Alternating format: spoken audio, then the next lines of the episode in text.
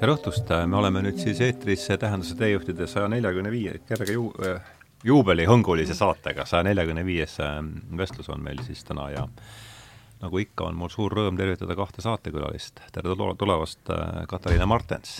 tere! tere tulemast, Olev Poolamets, et te olete mõlemad esimest korda siin, eks ole, stuudios.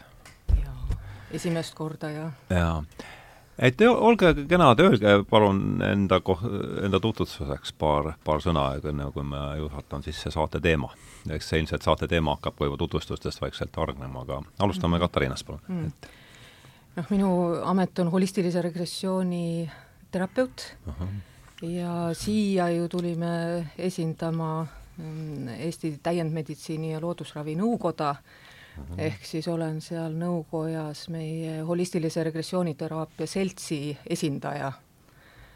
aga natuke veel minust, et minu magistrikraad on Tehnikaülikoolist, olen tehnikateaduse magister ja sinna peale õppinud siis erinevaid psühhoteraapia koolkondasid, et kuna ühel hetkel avastasin, et, et mind inimene tegelikult ja inimese sisemaailm ja inimeste lood hästi huvitavad mm. -hmm ja nendest erinevatest koolitustest siis kõige olulisemaks pean seda holistilise regressiooniteraapia mhm. koolitust ja sealt siis äh, seitseteist aastat olen pidanud terapeudi praksist mm. -hmm. aga päris pikk aeg. jah, jah, ja võib öelda, et vaat äh, selle elukutse kohta, et noh, elukutse kõige sügavamas mõttes, et kui elu kutsub mm. -hmm. jah, nii et see inimeste kuidagi äh, kuulamine ja, ja mis mind ennast viis selleni ka, ikka see soov mõista seda elu, et kuidas see elu siis ikka käib või, või mi, miks ta on mm -hmm. selline, nagu, nagu ta on ja miks me inimesed kogeme seda mm -hmm. elu sellisena või teistsugusena. et eks nendele küsimustele jätkuvalt vastust öö, otsin mm. -hmm. No, mis siin, mis, mis meil üle jääb. Päeva õhtu lõpuks. Ole, ole, lähe paar sõna enda kohta ka. mina olen siis äh, põhiliselt meestearst, olen siis täiesti lääne meditsiini õppinud ja kuus aastat ja lõpetanud siis üldarsti internatuuri ja androloogia, uroloogia eriresidentuuri ja olen siis meestearst, et meeste seksuaalse ja reproduktiivse tervisega põhilises osas tegelen siis igapäevaselt, aga siis lisaks mul on kogu aeg olnud ka loodusravi huvi elu jooksul ja siis viimased üksteist, kaksteist aastat on mind viinud siis ka Tiibeti meditsiini ja budismi juurde ja siis ma olen neid paralleelselt juurde õppinud ja elu on mind ikka pannud mingite teemade viinud ka vastutama ja siis nüüd on viinud ka selle Tiibeti meditsiini juures, et et nagu on palutud, et ma ka nendel teemadel räägiksin ja kaasa aitaksin mm. -hmm ja olen elus siis õppinud erinevaid asju, mis siis seonduvad äh, noh, nende teemadega, nende teemadega ja mis mm siin mhm. ikka. alguseks hea küll, küll me jõuame mm. -hmm. jaa, aga et äh, siin käis ilmselt läbi mõisted holistiline regressioon ja holistilise regressiooniteraapia ja loodusravi ja need mm -hmm. annavad märku siis sellest ja kuidas oli veel see, täpselt see koda, keda te Eesti täiendmeditsiini ja ei, Eesti loodusravi ja, ja täiendmeditsiini nõukoda. loodusravi ja et, siis äh, täiendmeditsiin või alternatiivmeditsiin laias laastus, see on siis sõna tänase vestluse yeah. ja, ja eks siin siis äh, vestluse käigus saame nendele, et mis need vahed täpselt yeah. on ja seda hakkamegi kohe arutama, aga et et tõepoolest see üldine teema on siis täna alternatiivmeditsiin ja ja kui me siin alguses mõtlesime, et mis, et oleks mingigi käimalükkav äh, teema või küsimus, siis ma pakkusin välja, et see artikkel, kus me võiksime pihta hakata ja me ei pea selle üldse, selle üldse juurde kinni jääma, on see mm -hmm. Charles Eisensteini, inglise keeles oli The Beyond Industrial Medicine, et et ma ei tea, oli teil aega, äh, oli teil aega sellele visata pilku peale ja, ja, ja, ja mis mõtteid äh, loetu no,, loetu oli seal... aega ja väga inspireeriv artikkel oli uh. -huh. et et äh, see autor nagu esitab samu küsimusi, mida me tegelikult ka isekeskis seal täiendmeditsiini nõukojas oleme esitanud ju. Mm, -hmm. aga võib-olla natuke sellest Eesti täiendmeditsiini ajaloost või sellest meie nõukoja ajaloost, et, et nõukoda tegelikult loodi ju juba aastal kaks tuhat neli. Et hästi pikk ajalugu selja taga ja ja miks ta loodi, noh, just eesmärgiga ühtepidi ühendada terapeute, kes selles vallas tegutsevad, sest eks neid täiendmeditsiini teraapiaid saab ju õppida nii Eestis kui välismaal tegelikult. et ühendada neid koole Eestimaal, kus neid ameteid õppida saab ja ühendada ka erialaseltse, et selline katusorganisatsioon ja kolleegid niimoodi ka välismaalt on imestanud, et kuidas te koos seda asja saate ajada, et täiendmeditsiini neid inimesi, neid ei saa nagu, need lähevad kohe tülli. Aga me oleme nagu algusest peale otsinud ja, seda ja, ühisosa tegelikult ja hästi tore on olnud. ja aastast ähm, kaks tuhat kuus kuni aastani kaks tuhat kaheksateist oli meil ka Eesti Vabariigi Kutsekojas tegelikult äh, kutsestandard Aha viisime läbi kutsest kaks tuhat kaheksateist oli see, jah? jaa, kuni kaks tuhat kaheksateist. et Kutsekoja niimoodi toel ja juhendamisel äh, hakkasime tegema kutseeksameid ja, ja seal toredal Kutsekoja kodulehel äh, olid kõik kirjas ka terapeutidele väljastatud kutsetunnistused, mis tegelikult ju sellel täiendmeditsiini sellisel värvikal maastikul on hästi oluline, et selline potentsiaalne ka klient saaks äh, uurida terapeudi tausta mm, -hmm. et inimesel, kes nimetab ennast äh, selleks või teiseks terapeudiks, oleks läbitud koolitus ja, ja ta on teinud kutseeksami ja noh, ühtepidi, et terapeutide selline tase oleks garanteeritud ja ja natuke ka nende klientide turvalisus tegelikult mm, -hmm. mis oli hästi tore aga aastal kaks tuhat kaheksateist, kui saabus äh, aeg, et see meie kutsestandardit oli vaja taas kinnitada seal, siis huvitaval kombel Kutsekoda ütles, meile, et et tehke nii nüüd selle standardiga, tehke ümber, siis me tegime ümber, siis öeldi, tehke naa. Mm, -hmm. me tegime jälle ümber. Ja siis küsiti, aga miks teil nii ei ole, siis me hakkasime küsima, et oot-oot, ja asi päädis sellega, nad ütlesid, teate, et äh, meie teid ei taha. Uh, -huh et kui te peate vajalikuks neid eksameid ja asju, siis tehke ise, aga meie hästi vajalikuks pidasime seda tegelikult, noh jätkuvalt. kutsekoja all olla, jah? jaa, ja otsustasime siis äh, isekeskis seda asja edasi ajada. ja siis sai see nõukoja tegemised võib-olla veel suurema hoo sisse, et tegime oma sellise eksameid korraldava kutsekoja äh, ja peame ka terapeutide registrit mm, -hmm. et tõesti noh, eesmärgiga see maastik on ju nii kirju ja neid inimestega tegelejaid igasuguseid, aga tõesti, et tagada ühtepidi nende terapeutide tase ja, ja teistpidi ka siis nende klientide turvalisus mm. -hmm et seda asja me siis siiamaani niimoodi üheskoos ajame ja tegelikult veel üks oluline äh, meiega seoses noh, on kasutusel ka kaks sõna tegelikult alternatiivmeditsiin just, ma tahtsin ja see, see oli teine, see oli, aimasite või aimasid küsimuse ette just, et ma tahtsin seda. et tegelikult äh, selle sõnaga ka eesti keeles on ähm, huvitav ajalugu, et ähm, aasta oli kuskil kaks tuhat üksteist, äh, kui tegelikult seal Statistikaameti juhtimisel eestindati ühte eurodokumenti, mille nimetus minu meelest on ISCO null kaheksa või, et rahvusvaheline ametite klassifikaator, et kus on kõik äh, ametid ära klassifitseeritud äh, erinevatesse niimoodi gruppidesse ja ära nummerdatud, et Euroopa Liidus noh, kui sa lähed oma kutsetunnistusega, et kus on see number, et see nagu selline ühtne numeratsioon kogu Euroopa Liidus ja seal selle ja, ja soovitus oli Euroopa Liidust, et noh, kui seda dokumenti tõlgitakse, eestindatakse, et, et arvestada ka iga riigi sellist rahvuslikku omapära ja seda eksisteerivat reaalsust mm. -hmm ja seal tippspetsialistide alajaotuses on traditsioonilise ja ja täiendmeditsiini tippspetsialistid, ehk see ingliskeelne sõna on see traditional and complementary medicine. Traditional complementary. Complementary ja, ja siis noh, tõlkides seda äh, et kuidas me tõlgime eesti keelde, kas see on alternatiivmeditsiin või täiendmeditsiin? Mm. -hmm ja tol hetkel siis arutelud läksid sinna suunda, et vaata, sõnade tähendus eesti keeles, et alternatiiv nagu noh, nagu vastandub natuke. ja ma seda panin kas, juba kas see kokku, või teine, aga, aga meie mõtteviis oli see, et me ei tahaks üldse vastanduda, et mitte see või teine, aga nii see kui teine, ehk täiendada ja, ja siis ta tol Ja hetkel mingi- tõlkuski eesti keelde täiendmeditsiinina mm. -hmm. tegelikult, et, et noh, sõna ingliskeelses kirjanduses, noh, seal Maailma Tervishoiuorganisatsioon, nad kasutavad mõlemat tegelikult. ma ise aimasin, et umbes see sinnakanti läheb ja, ja, ja aga see soov tol hetkel oli meil just, et noh, täiendmeditsiin ju täiendab tegelikult mm. -hmm. Et see on see ka ajalugu tegelikult. et see oli inglise keeles traditional ja, ja siis Ja complementary. jah uh, no Tiibeti meditsiin ilmselt läheb äh, siis selle traditsioonilise ravi, ravi uh, alla või?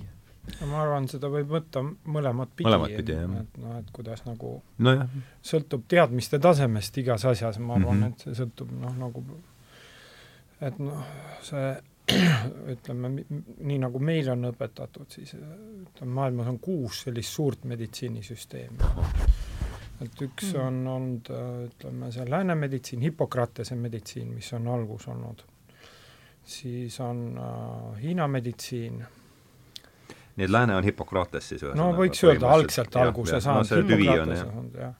Hiina? Si- Hiina, siis Ayurveda see on siis pigem India. India jah, Indias on kaks ja teine on siis Siddham, mis on Lõuna-Indias. ajur, Ayurveda ja on ma mõtlen, kuidas see kirjutatakse, mis see Y-ga Ayurveda ja siis on siis Siddham peaks olema. Lõuna-Indias. kuidas see on? S-I-D-D, Siddham Siddham mm. ja -hmm. siis on, tuleb välja moslemi meditsiin on veel ka, mul ei tule seda nimi meelde. see on siis Lõuna-India oli see Siddham Jah. mm -hmm. ja, ja moslemitel esineb täiesti oma meditsiinisüsteem, ma sellega ma ei ole nii tuttav, et ilmselt Avitsennast tuleneb ja sealt paneme Avicenna siis jah enda no jaoks. ma ei, ma ei No ole sellega jah, nii tuttav, aga ta see tradi- suur Jah. traditsioon, mis ja noh, jah. Äh, ja siis on äh, Tiibeti traditsiooniline on meditsiin, mida siis, jah. kutsutakse siis sovaripaks ka teistmoodi või isegi tänapäeval noh, poliitiliste teemade tõttu proovi-, noh, kasutatakse sovaripat paralleelselt. või Himalaia meditsiini, sest ta eksisteerib siis Tiibet, Nepaal, Bhutan, osad India piirkonnad, Põhja-India piirkond, Mongoolia, Burjaatia muuseas. Himaalaja, jah. Mongoolia, Burjaatia ta on ikkagi väga budismiga siis ka kuidagi seotud, eks ole, või? noh, seda jah öeldakse, et äh, noh, et seal on nagu, sellel on nagu erinevad allikad. allikad on siis äh,, osa allikad on isegi, läheb vanasse Tiibeti šamanismi ehk bönni kümme tuhat aastat Bönn, tagasi, et esimene, esi-, üks kümme protsenti vähemalt tuleb vanast bönnist.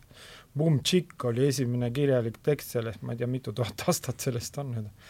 ja siis hiljem Juto Jönten äh, see noorem bönn on siis, ma, ta on niisugune budismieelne animistlik ja šamanistlik traditsioon, eksisteerib tänapäeval ka ja no siis ma olen seda kuulnud, jah. eri tüüpi bönni on veel olemas, valge ja must bönn ja ja bönni, bönni ja bönn osa on nagu budismiga seotud, aga nad rohkem võib-olla see kohalikku traditsiooni või seda säilitab.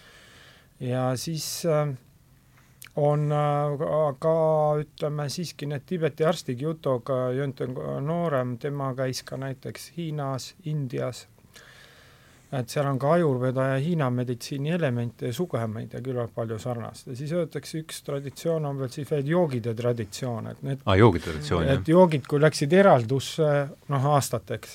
see on siis sellest samast taseme nende kuue suurega või? ei no ei, ta on, Seal- ta on Tiibeti meditsiini sees, need Ahah, on Tiibeti meditsiini allikad, et joogide traditsioon, kui nad läksid eraldusse, siis Mhm. nad noh, paratamatult, kui nad olid kakskümmend aastat, kolmkümmend aastat, nelikümmend aastat, siis mingid mõtted või ideed tulid sealt, näiteks mm. -hmm. osad teraapiad näiteks on üks välisteraapia Yuk Chö, mis oli kuni kuueteistkümnenda sajandini salajane, mida tänapäeval siis ka õpime, on ju, et on selline, et joogid võtsid väiksed kepikesed kaasa ja tegid sellist väikest teraap-, noh, kui kehale on ju, mida siis tänapäeval on, neid meetodeid on erinevaid ja siis teine oli loodusvaatlus veel süsteem, et et vaadeldi loodusi, loodus, kuidas siis nagu loomad-linnud käituvad, mida nad tegid, seal on erinevad meetodid. ja natuke mm -hmm. müstilist poolt ka muidugi. Aga tänapäeval õpetatakse seda siis tõesti siiani Hiinas äh,, äh, Indias äh, nendes Tiibeti meditsiini on sellised kolledžid mõned. Ja siis äh, tänapäeval siis, mis meie õpetaja doktor Nida Tšenatšang just ütleb, et noh, probleemiks on et ei õpitata, ei õpita kõikjal tervikut, et noh, nagu ses algses tervikus on ka noh, kõik eksootiline ja täna näiteks pillide, looduspillide äh, teema, väliste teraapia teema ja ka mantraravi teema, ehk siis vaimsed praktikad sees, aga tänapäeval näiteks Puna-Hiinas kõike ei õpita, on ju, või noh, umbes niimoodi, et see on natukene, igal maal see võib erineda ja see Tiibeti meditsiini originaalis õpiti ju kaks-kolmkümmend aastat, et me võime öelda, et me oleme algajad õpetaja juures, tekstid ja, pähe ja niimoodi, et ja täna järjest siis, nagu meil Peterburi õpetaja doktor Arbuzov ütles, et tänapäeval siis on siis järjest see lühemaks läinud, jõudnud viie aastani, kuni siis jõuab viie päevani on ühel hetkel. et me seda siis, mina proovin seista selle eest, et me ei jõuaks sellise viiepäevaste asjadeni, vaid prooviksime ikkagi süübida ja tervikut leida ja siin Eestis elav Tiibeti laama, lama Sangye Rinpoche just ütles, et nende külas Ladakis oli veel äh, hiljaaegu neli amtšit ehk Tiibeti arsti mm. -hmm. ja nüüd viimane suri äsja kaheksakümne nelja aastasena Covidisse mm. -hmm. ja ütleme, et selles suhtes, et ka ütleme, et see traditsioon on noh, nagu ütleme, üsna niisugune ha hapraks muutumas tänu selliste erinevatele lõigetele.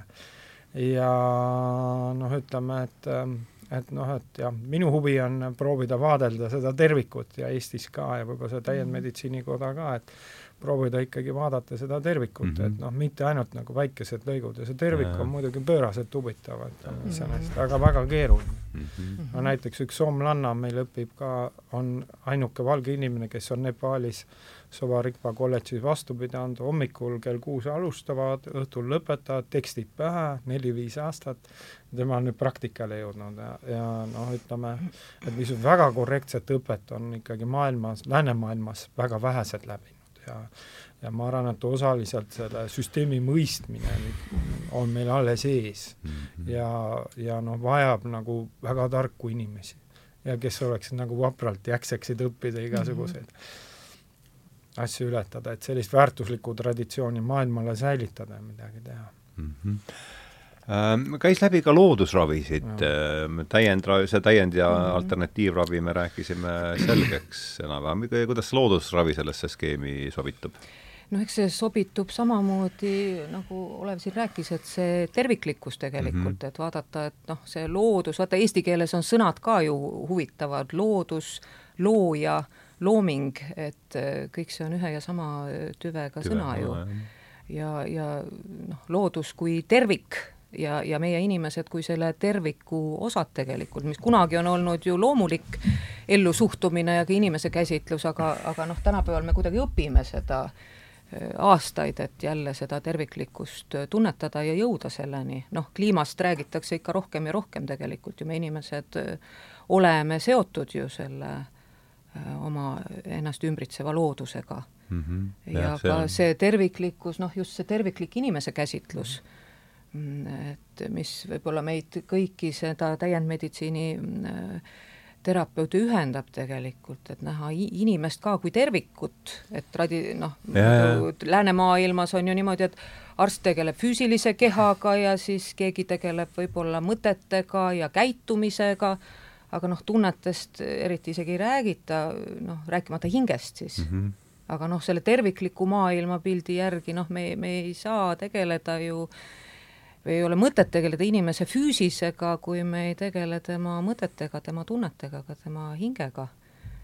ehk see selline terviklik inimese käsitlus ja, ja, ja loodusest veel tuleb selline noh, harmoonia ja tasakaalu mõiste, et mm -hmm. loodus oma olemuselt on ju hästi harmooniline mm. -hmm ja võib öelda, et inimesel ju see heaolu kaob ära, võib öelda, see tähendab seda, et harmoonia, tasakaal läheb paigast ära et eks eesmärk ju terapeudil ongi aidata siis inimesel see tasakaal jälle üles leida enda sees mm.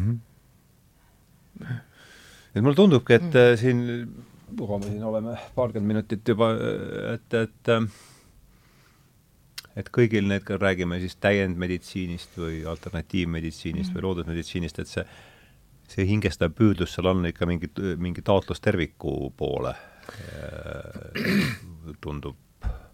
no ütleme, no jah, selle üle võib... ja see kuidagi eristab seda lääne meditsiinist, mulle tundub. ütleme, selle üle võibki jääda mõtisklema, on ju nii aga, ja naapidi. aga mõtiskleme natukene üle selle, see tundub olevat huvitav teema. mitmeid päevi mõtisklema. ja, ja seda meil ei ole aega, proovime, proovime paarkümmend minutit ma mõtiskleda. tooksin ühe näit-, paar näidet, mis mul nagu tuleb meelde, et kunagi oli üks oh, ma mõtlen, mis ta nimi oli, no lühidalt Buda arst oli ja kunagi oli, või oli ma, mul ei ole meeles, lühidalt keegi arst oli õpetustes, on ju, oli loodusravi õpetaja juures, oli vist mingi ajurveda looja juures või nii edasi ja siis äh, olid õpilased ja siis õpetaja ütles, et äh, minge siis välja ja tooge mulle mõned noh, nagu asjad siis või ained, mis ei ole nagu ravimid, on ju. -hmm ja siis kõik läksid, mõnel läks aega mõni tund, mõnel läks mõni, mõni minut ja mõnel läks aega mõni päev ja see teine, kes see siis nagu see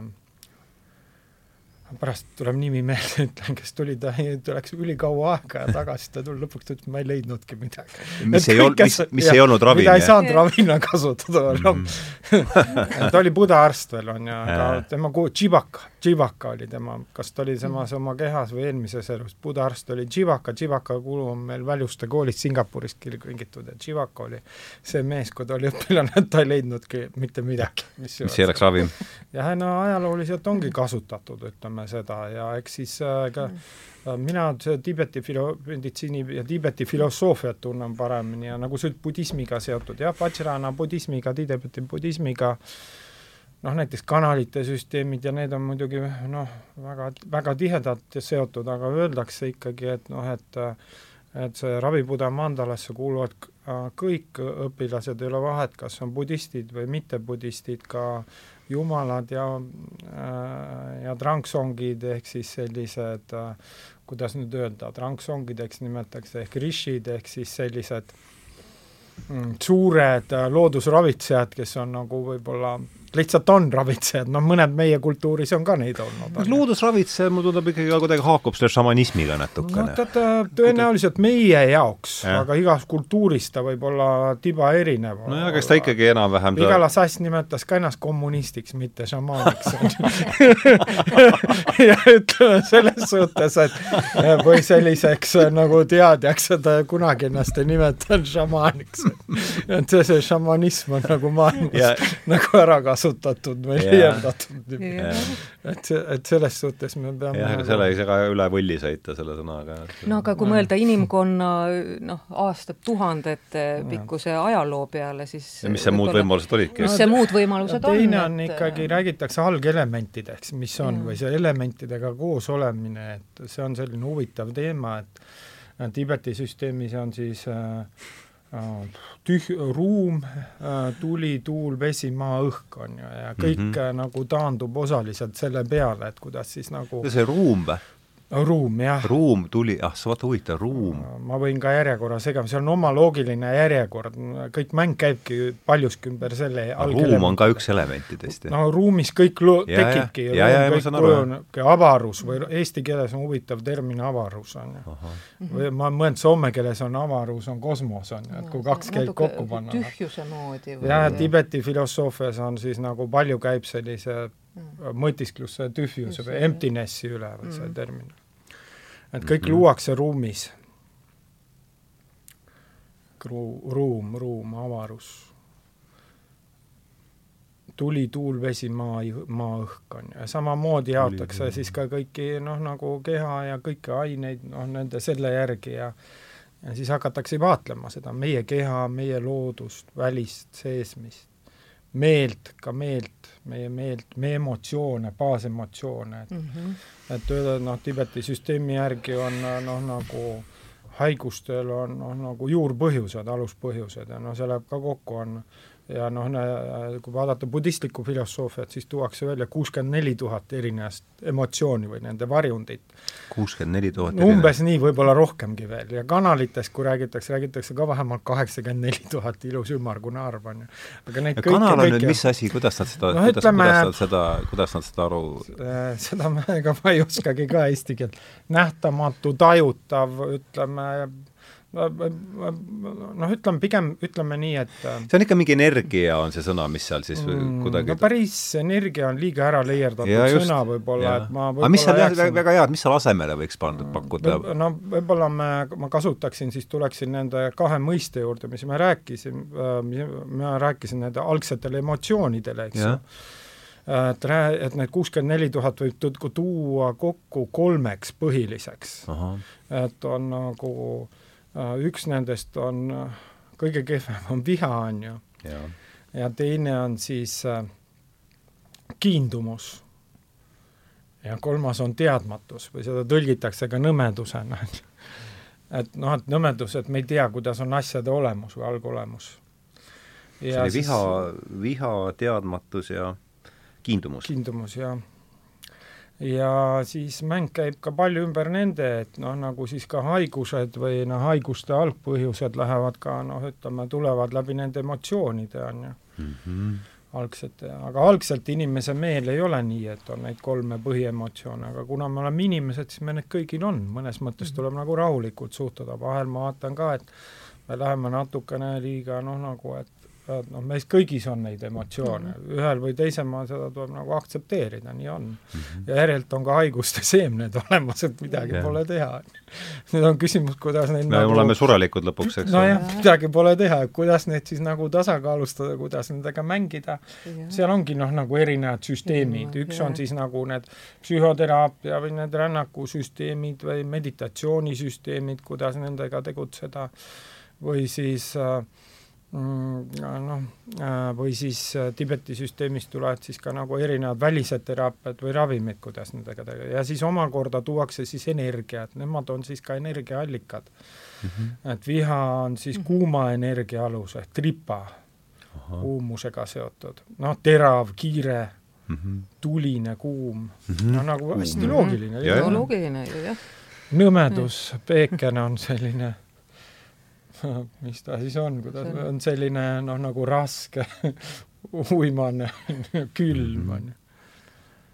Mhm. ja kiindumus on tuul, tuul, tuul ja attachment, ta loob sellist tuult liikumist, liikumine kehas ja meeles, et mm -hmm. liikumine, et ja no ütleme, need võikski öeldagi, et need on sellise noh, nagu energia alused või tekitajad, oletame, et me oleme nagu äh, ma pean mõtlema, mis näiteid ma olen toonud energiale, et noh, et toome selle viha, noh, kui sa tunned vi-, viha, korralikku viha, siis sa tunned kehas, kuidas midagi liigub või kummustub. kuidagi elusaks teeb kohe või? see on väga selge keha, või kiindumus on, kiindumus on, siis sa võid tunda, kuidas kõik vabi, tead, tugeval puhul on ju ekstreemjuhul, kuidas kõik vabiseb, midagi teeb. varba otsast pea, pea laeni, on ju. Mhm. aga noh, seda noh, nagu tegelikult meis nagu mingil määral kogu aeg, kui me noh, nagu selle kohta öeldakse ka meditatsioonis, noh, budistlikus Tiibeti meditatsioonis, et see, kui me näeme emotsioonide liikumist, on ju, me näeme, et mingi mürgel toimub, see on, tähendab, et sa mediteerid, on ju, et siis et see on nagu esimene faas, et me näeme, et meie meeles midagi toimub, et see on nagu meis kõigis.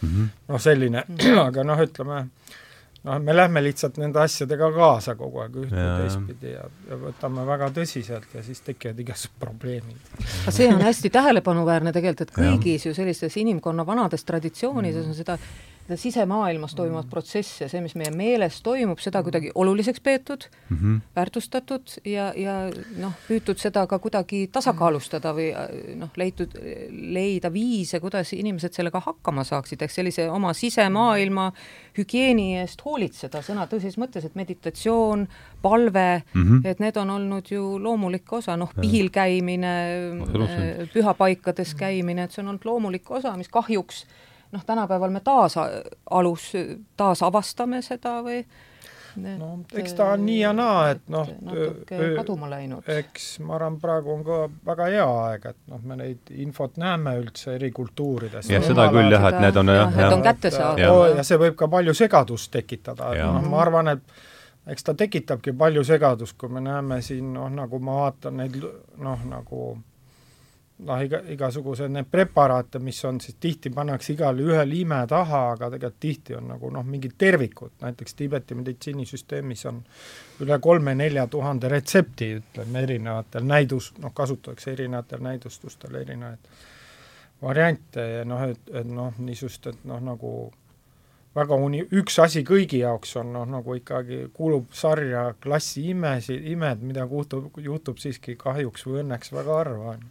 nii et ta ei ole, ta ei ole tööstuslik meditsiin, meditsi-, meditsiin selles tähenduses? eks ta kipub kohati minema, et kui näiteks, kuna hiinlased Hiinas on ka avastanud, noh, ütleme mm., et äh, neile väga loodusravi meeldib, on ju, ja siis kohati on looduskaitsjatel õigus, et kui kõik arvavad, et et ikkagi äh, ninasarviku sarv parandab mhm. kõiki, siis kohe mingi osa tormib ninasarviku sarve või tiigrikäppa mm. otsima. no just mõtlesin vaese, vaesed tiigrid, et sellel on tegelikult ülipalju asendusi ja mm. seal lõppkokkuvõttes võib olla veel nii, et näiteks tiigriliha, mis kuskil retseptis, see võib tähendada hoopis mõnda taime, on ju.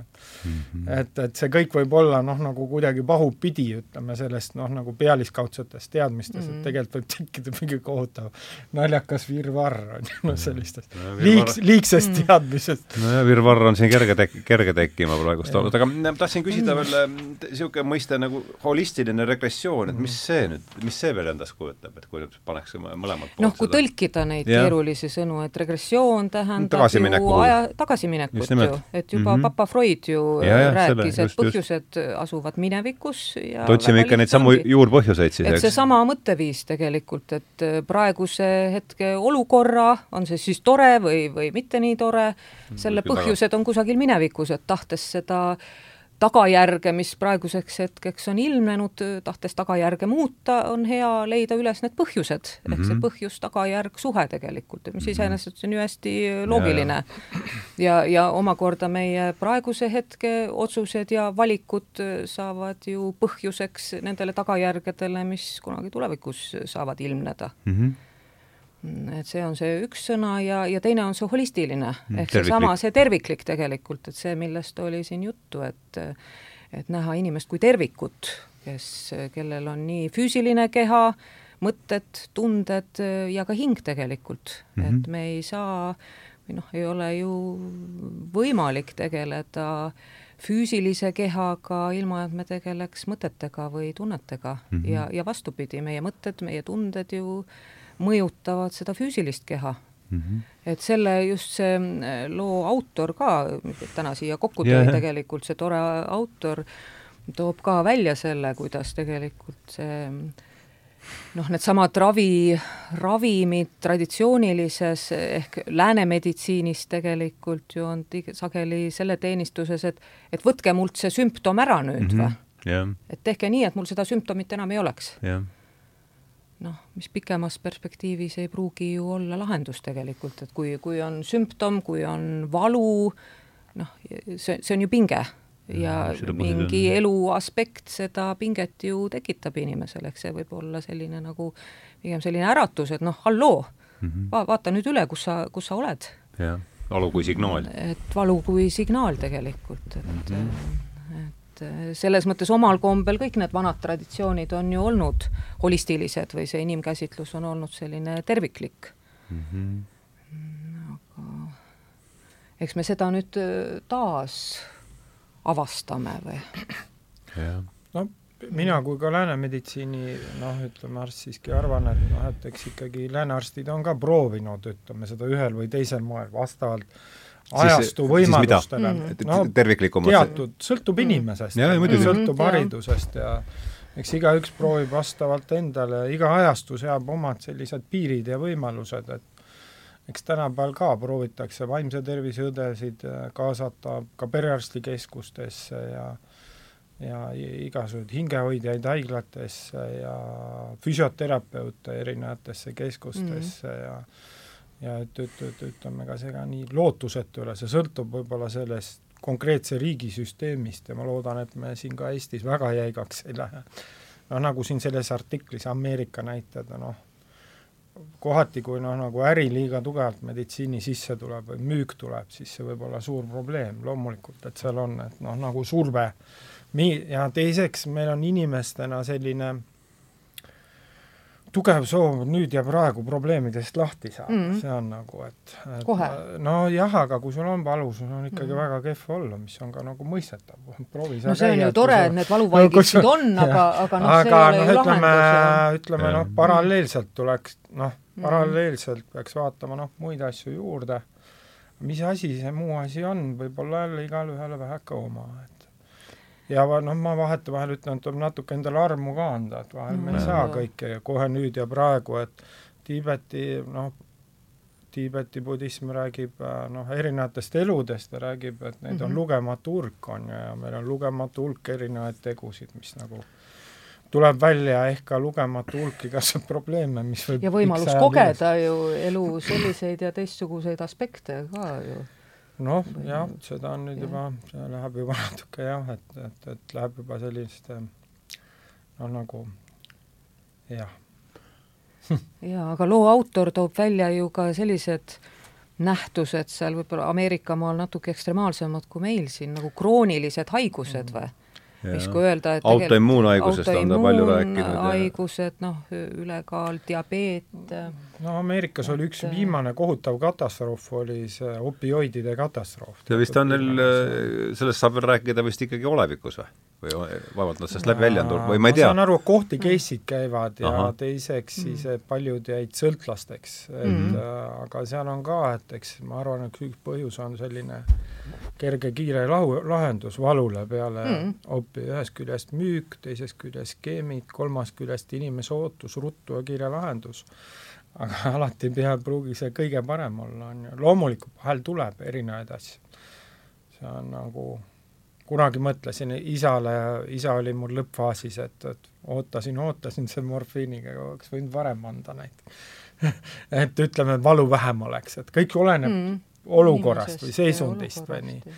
aga nojah, selliseid erinevaid probleeme on olnud ja Ameerika meditsiin ilmselt erineb meist väga palju. noh no, no, ütleme siin ja, ja ütleme siin aga mille poolest?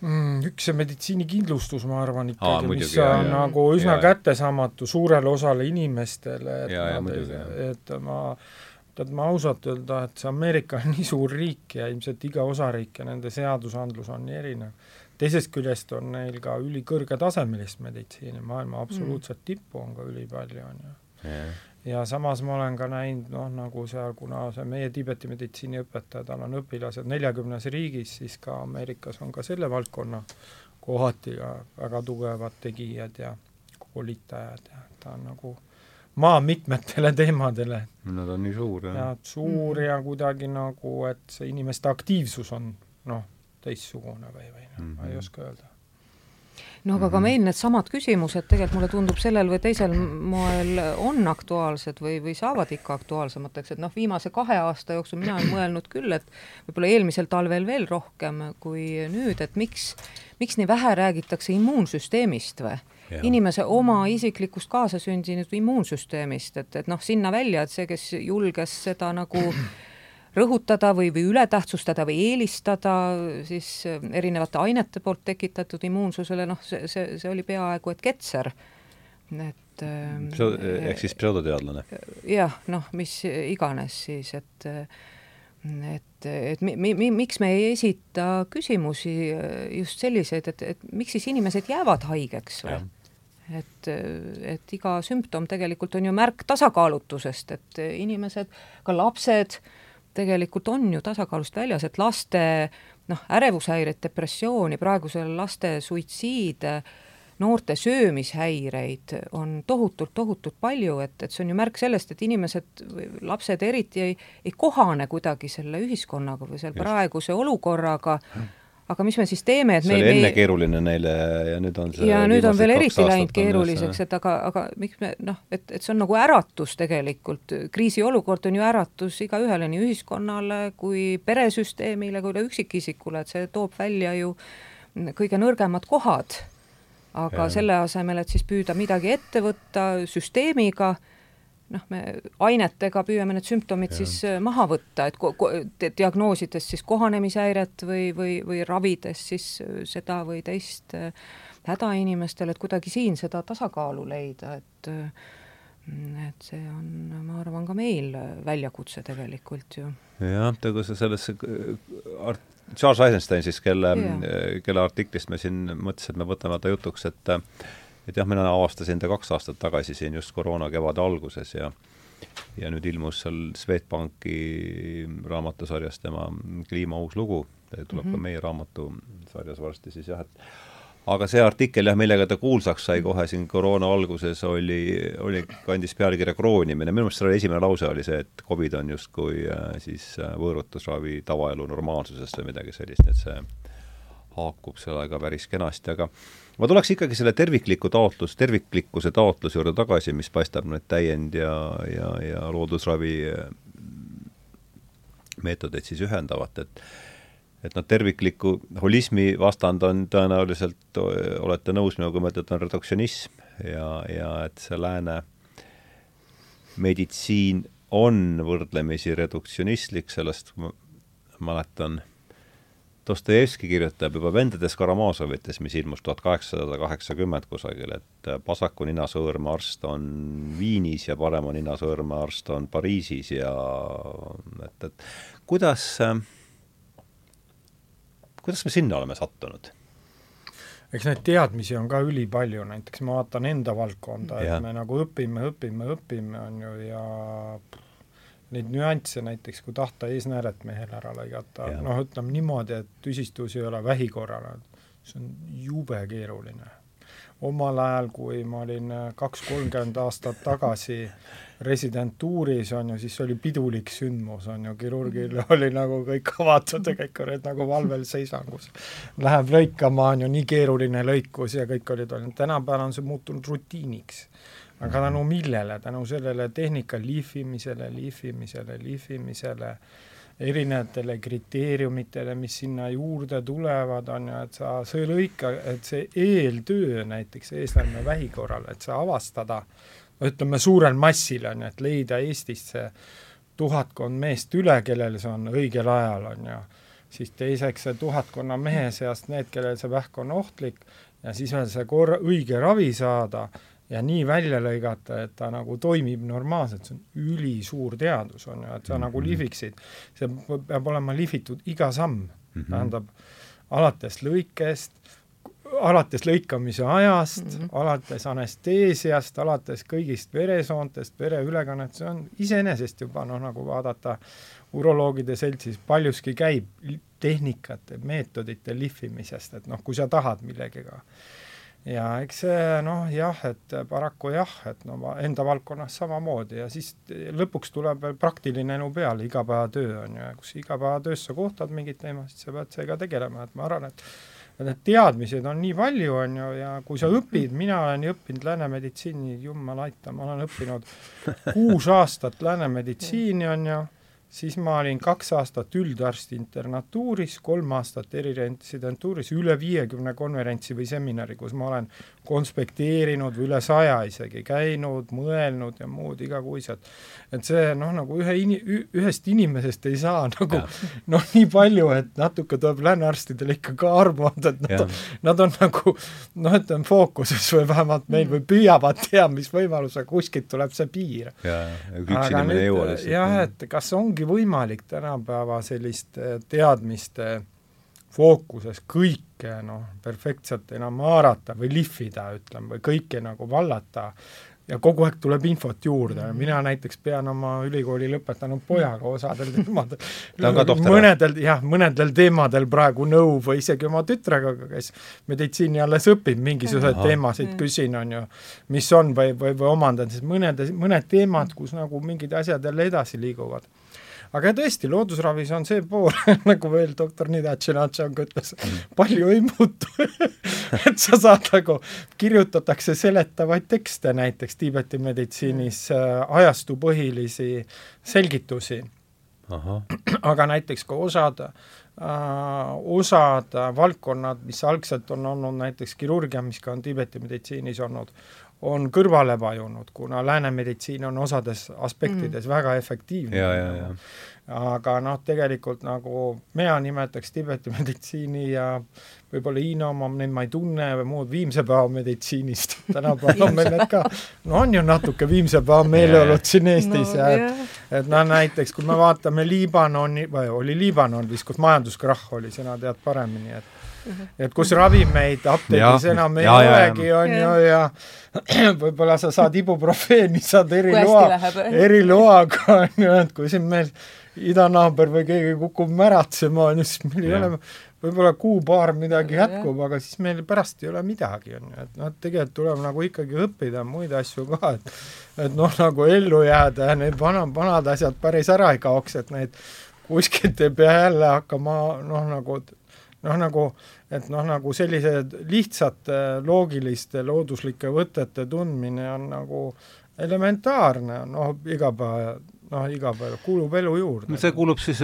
ma kujutan ette, et ravimtaimed ja sellised asjad on see noh, meie, me peame ka oma kultuuri vaatama, teed ja aurud ja sookid ja nii, ka see on loodusmeditsiin No no mingil määral. soone tasumine on meil Ja- Soone tasumine. jaa, Eesti too? no see on Eesti massaaž, iga talu perenaine oskas ikka oma Vaata, seda pere sõna- aidata, teha elementaarset soone tasumist ja noh, meie Massaaž saun- siis, ja, jah? ja mina, Massaaž, mina massaaži, massaaži peaks iga inimene natuke oskama. oma peret Ja, aidata ja, ja., see võiks ju elementaarne mina olla. tegin massaaži, tegin ülikooli ajal, et ellu jääda üksteist aastat, noh, põhiliselt Soomes, Rootsis, nüüd võib rääkida Eestis ka, et ja ma arvan, et sellest, see oli ka väga huvitav periood, kus nagu õppisid seda inimese keha puudutama ja nägema ja sellest on tulnud väga palju kasuks ka näiteks seksoloogia õpingutele mm. ja ka ja ka oma valdkonnas, et mõista, mida tähendab keha külmus, soojus, pinge on ju, et noh, et tänu sellele ma tean, et noh, mingid noh, see on niisugune normaalsed eneseabivõtted, mida inimene peaks oskama, et kui sul on näiteks abikaasa, siis sa peaksid mm. oskama, või elukaaslased peaksid oskama talle ikkagi õlamassaaži või käemassaaži teha või seljale või jalgadele või tema sulle, kui sa ei oska seda, noh siis ega siis erootikast ka tegelikult juttu ei saa olla, arvan. ja, ja ega siis valuvaigesti ka pikas perspektiivis ei pruugi päästa ju tegelikult, et aga huvitakski see nüüd see, kuidas see äh, Katariina oli, ma saan aru, alustas süsteemiinsenerina jaa. Ja, ja Olev alustas, eks, lääne meditsiinis, et kuidas te jõudsite sellesse? Et räägi palun, Katariina, kuidas sina sealt süsteemidest no, nüüd jõudsid holistilisse regressiooni? juurest äh, kuidagi olin lastega aastaid kodus olnud ja mõtisklenud selle üle, et mis see minu panus siis äh, maailma võiks olla tegelikult mm. -hmm. et mida ma tahan teha mm. -hmm. ja kuidagi sain aru sellest, et, et Te töötasid siis kus või, või enne seda tööd, enne laste kojujäämist olid siis kus, mis siis tööd süsteemis erinevates firmades, vot siis hakkasid tulema arvutid ju ja siis kõik raamatupidamissüsteemid ja mm. -hmm. ja hakkasid äh, sellised noh, see arvutitesse üleminek tegelikult, et huvitav aeg, aga ma sain aru, et see nagu, et inimeste lood huvitavad mind palju rohkem tegelikult mm. -hmm. jõudsin selleni, et kuidas inimesed, kui kirjeldavad äh, sama sündmust, et iga inimene kirjeldab seda erinevalt kuidagi ju mm? -hmm. ja Just. kuidagi, et miks noh, miks maailm on selline ja eks ma ka oma lapsepõlves olin üksi ka palju looduses olnud tegelikult ja ka üksinda olnud ja, ja kogenud seal selliseid sipelgapesa juures ja mesitaru juures ja metsas selliseid erilisi kogemusi, et see huvi, miks see ikka on niimoodi ja kuidas neid kogemusi kirjeldada mm -hmm. ja kas keegi veel niimoodi kogeb või? et kuidagi nende, saades ühel hetkel ka aru, et ma nende oma maailmatajuga nagu hästi üksinda olin või mm. -hmm. aga siis hästi varakult jõudsin sellise meie Eesti autorini nagu Uku Masing tegelikult. kelle noh, nii kirjatükid kui luuletused, laulud kuidagi hästi tollel hetkel kosutasid mm. -hmm. sest eks ma olin lapsepõlvest ka kaasa saanud selle maailmataju, et see, et see, et see loodus on elus või me, meid ümbritsev loodus on elus ja meie oleme osa sellest suurest elus, elussüsteemist ja ja siis jah, erinevaid neid psühhoteraapia meetodeid hakkasin õppima ja uurima ja seda maailma avastama ja, ja noh, see avastamine kestab siiamaani mm -hmm. tegelikult ja, ja mulle hästi meeldib tegelikult see Uku Masingu kirjatükk, kus ta kirjeldab tegelikult selle meie noh, eestlaste, ugriliste, ugrilaste tema ütleb selle metsavööndis elavate inimeste hingeelu erinevust võrreldes noh, eurooplasega või võrreldes sellise indoeurooplase hingeeluga, noh, tema sarnaselt Jungile ju lähtub tegelikult folkloorist ja nendest lugudest, mida inimesed on oluliseks pidanud ja, ja edasi rääkinud. ja ta ütlebki, et eestlase ilm on hingestatud tegelikult, et kogu mhm. meid ümbritsev on elus ja mm, -hmm. ja kui me lähtume sellest, et kogu meid ümbritsev loodus on elus, siis kõigi ja kõigega saab suhelda, kõigi ja kõigiga saab läbi rääkida, kokkuleppeid sõlmida, et noh, meie esivanemad, kes väga paljus olid ju ikka äh, kalapüüdjad ja kütid ja põlluharijad, noh, nad sõltusid ju loodusest tegelikult ja kõigiga äh, vetetaadiga ja taevaisaga ja hallataadiga, maaemaga, kõigiga sai ju läbirääkimisi pidada, no mida sa ikka teed, mõnikord tänapäeval ka öeldakse, nüüd ei ole midagi muud teha, nüüd on ainult palvetada või? Mm. -hmm aga kui, kui kõigiga saab läbirääkimisi, noh isegi surmaga sai läbirääkimisi pidada, sai kokkuleppeid sõlmida. Mhm. mm, -hmm ehk see elustiil oli selline hästi terviklik ja, ja kuidagi ka selline noh, kooskõlas, et, et sa ei tee liiga mm -hmm. loodusele tähendab, see asjade taju ta,, tajumisviis oli selline, mis siis ütles seda, et surmaga saab läbi rääkida surmaga sai ju, noh, isegi vanapagana endaga ju, noh, võta Kaval-Ants ja, ja kõik, et, et saab ju läbi rääkida kõigiga, et ja, ja see toob kaasa ka sellise eetika, mida tegelikult noh, tänapäeval mm -hmm. looduse või, või inimsuhetes noh, see on omamoodi näo ju võtnud, aga no aga sealt meie maailmavaatest tuleb see, et noh, me, me ei ole looduse kroonid või, või et noh, kuidas on, et me me ei oota looduselt armuande või me võtame, aga noh, sellele eetika pealt see elustiil on hoopis teistsugune tegelikult mm. -hmm. ehk see hästi inspireeris ja, ja mulle äkki hästi Uku Masingu kirjutused meeldivad, et isegi annab paljudele äh, lääne kuulsatele filosoofidele tegelikult silmad ette, et oma maine veel peale selle ju.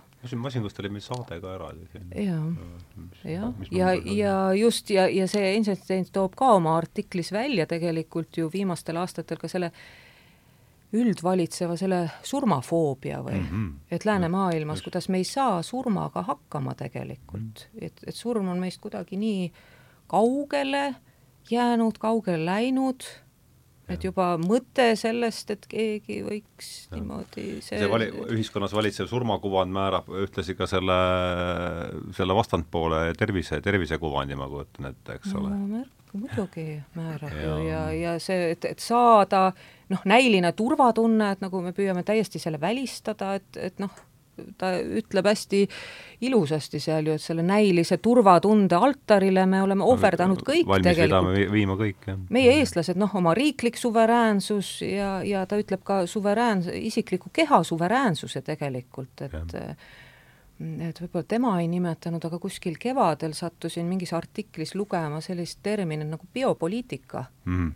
et võib, et et äh, millist poliitikat see või teine inimene või erakond ajab, kas indiviidil endal on õigust otsustada, milliseid aineid tema kehasse manustatakse ja. või otsustavad seda autoriteedid või autoriteet? nojah, eks ta laias laastus on niisugune tehnokraatia versus äh, demokraatia tõenäoliselt on üks telg, millel see, millest me siin äh, see on ka ilmselt selle probleemi üks tõuk, aga aga tuleks tagasi nüüd veel selle juurde, et et kuidas te jõudsite selleni, et et Katariina rääkis siin sellest, et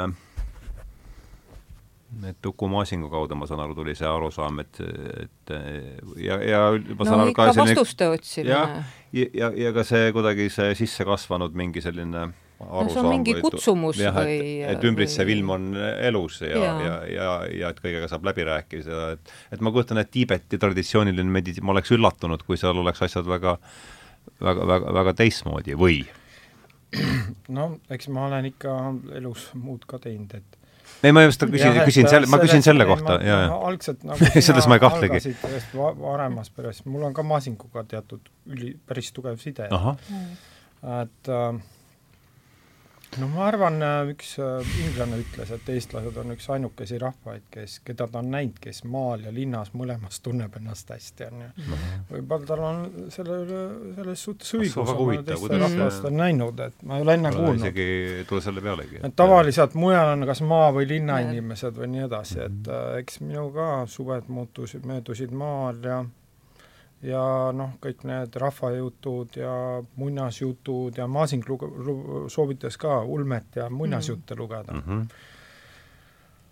ja eks ma nendes kasvasin siis omal ajal ja juttudes ja tõesti igal perel on ju omad ravitsemise rood, sa kuuled ja need olid ju pööraselt huvitavad ja ma arvan, nõukogude aeg ka, et no siis oli ju nii palju keelatud, et siis äh, teatud müstikahuvi selles kogu, kogu selles igapäevaelus siis sul paratamatult tekib, on ju, kui sa noh, ei taha nagu ainult kulpi lüüa ja igapäevast asja teha, siis sa teed see, noh, midagi muud, otsid midagi Just. ebamaist või kõrgemat mm -hmm. ja, ja noh, minu vanemad olid kristlased, on ju, noh, seesmised, aga nagu eestlase kristlus ja hindasid seda maalugusid ja nagu mu ema kunagi kirjeldas, üks tema maagilisemaid nägemuseid oli selline, et kui kui ta Muhumaalt ära läks noore tüdrukuna, siis nad olid nagu sõbrannaga kuskil seal kalmistu lähedal ja nägid eemalt äkki, et nagu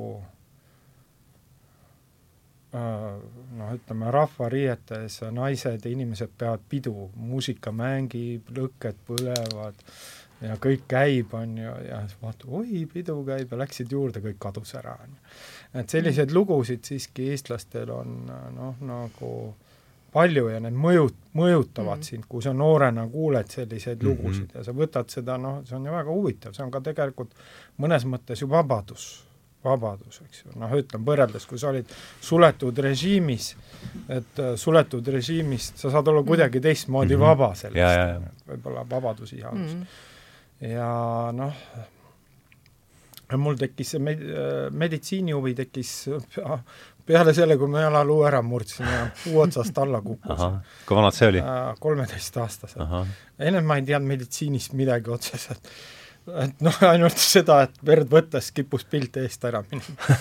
aga ma sattusin Seppo kliinikusse, see oli väga selle jala, selle jalaluuga, jah? ja see esimest korda nägin, selles palatis oli inimesi äh, Kasahstanist, Magadanist, kas see toodi sealt siia? Tageda mm., Dagestanist, Moskvast mm., Peterburist, mina olin ainuke Eestis. see aasta võis olla siis mingi see oli mingi kaheksakümnendate algus, seitsmekümnendate lõpp, isegi seitsmekümnendate lõpp või keskpaik. Mm -hmm. ja see oli noh, kõik nässu läinud asjad tulid üle Venemaa kokku, mis ei paranenud. päris huvitav. kas Sepo kliinik oli ikka niisugune no,? see oli ikka väga kõva tase. see oli, kus praegu on Justiitsministeerium kus on praegu Justiitsministeerium? see on Rahvusraamatukogu vastas, kus see Tõnismäe apteek on, tead, seal jah, täpselt mm., just seal, jah, jah. Läti saatkonna ja nüüd mul tuleb meelde, oli küll seal, jah. see oli ikka kuidagi nagu väga mõjus, on ju, siis nägid mm. ja siis tead, Sepo ju pani oma salvi see, mis oli Sepo mm. eesnimi üldse? Arnold. Arnold Sepo, ja jah. salvi, mis ta oli kokku pandud, oli ju ka loodusrohtudest ja. tegelikult ja muud on ja see salv on ju väga kuulus siiamaani.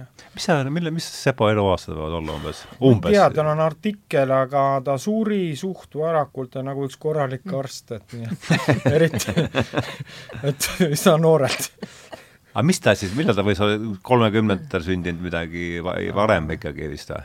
jah, ta pidi niimoodi, et mul abikaasa rääkis veel, et okay. tema vanaisaga ta kuidagi suhtles kuskil seal Paide kandist. abikaasa, abikaasa on ka arst või? ja abikaasa on psühhiaater jah, nagu korralik arst Soomes mina olen siin ja siis see nagu mõjutas, kuidagi see keskkond oli ikkagi väga inspireeriv, kui sa elus mm. esimest korda näed, et midagi tehakse, siis ja see oli, ja siis ma hakkasin, noh, mul oli nagu mitu identiteeti ülikooli ja keskkooli ajal väga erinevad, üks nendest oli opiplokis sanitariks käimine keskkooli, Sepo kliinikus. ma tahtsin vaadata, et kuidas meditsiin meeldib ja see muutus järjest põnevamaks, et kirurgid tegid sealt haltuurat, välismaalased käisid, tehti õhtuti lõikuseid erinevaid ja nägi igasugu Vene, Vene ajal ja, siis? ja, ja käis äh, jah, oli Vene aeg, jah mm. ja siis käis kokku igasuguseid äh, noh, selliseid kirurgia tegelasi üle Eesti, et selliseid väga huvitavaid lugusid oli, et tekkis nagu selline huvi ja ja siis, äh, kuna vanemad olid religioossed, noh, teatud mõttes, mitte uh. -huh. iga päev kirikus Mm. käia, siis äh, võib-olla minu jaoks oli selline religioonina nagu eriline punkt, et kui ma läksin Vene sõjaväkke, siis Masing on öelnud, et kui inimene hakkab järsku midagi rääkima, mida kunagi ei ole rääkinud, siis seda tuleb väga tõsiselt võtta. ja siis isa oli mul niimoodi, et enne kui ma Vene sõjaväkke läksin, otsis ta kuskilt välja ma ei tea, mis raamat see oli, kas mingi leeriõpik või muu ja ta käskis mm -hmm. mul Meie isa pealve pähe õppida. mitte lihtsalt, ta käis iga päev ja näitas seda. ja siis ma õppisin ka pähe, on ju, ja siis ütleme, Vene sõjavägi oli muidugi minu jaoks selline kus sa olid? komis, vangivalvur, jah, et see oli kurat, üsna see on päris see väga kole koht. vangivalvureid ei olnud liht-, see ei olnud lihtne leida, ma mäletan. see oli väga Mm. kole koht, on ju. Aga eestlasi armastati siia vii-, sinna saata, et me oleme kohusetundlikud selle peale. ja siis ütleme, mul, seal mul tekkis küsimus, et mida teha siis, kui mitte midagi ei ole teha, et see on mind jälitanud siiamaani, ja no ma arvan, sellest Tiibeti Vajrayanas ennekõike ma olen sellele vastused leidnud, mida teha siis, kui mitte midagi teha ei ole. Et seepärast ma, kui- ja see, aga noh, ütleme, minu vanemad olid äh, nagu mm, noh, meie see kodukirik oli see mm, Jaani kirik Tallinnas on ju mm. -hmm. Jaani kirikus oli keskkirikuõpetaja Toomas Paul mm. -hmm. ja Toomas. Paul oli Uku Maasingu ilmselt lähim Mhm. õpilane ja Jaa. noh, ma mingil hetkel ma ei suutnudki mujale kirikusse minna kui Toomas Pauli kuulamas tema jutlused olid väga erakordne on ju nähtus ja ma olen rohkem kuulaja, ma pean Ja, kuulama ja., no lugeda Mhm. ka, aga see võtab palju aega. Ja siis äh, kuskil aastal üheksakümmend üheksa me saime valmis äh, raamatu Mees muutuvas maailmas üheksakümmend üheksa või? äh, või kaks tuhat me Jah, saime midagi. valmis, üheksakümmend üheksa, kaks tuhat me saime valmis raamatu Mees muutuvas maailmas ja siis me otsust-, noh lõpuks tekkis vaidlus, et mis me rahaga tega teeme, et osadel meestel oli väga suur aare, et peaks Venemaale trükkima. võib-olla olekski Venemaaga kõik hästi läinud, kui me oleks seda teinud sellel ajal.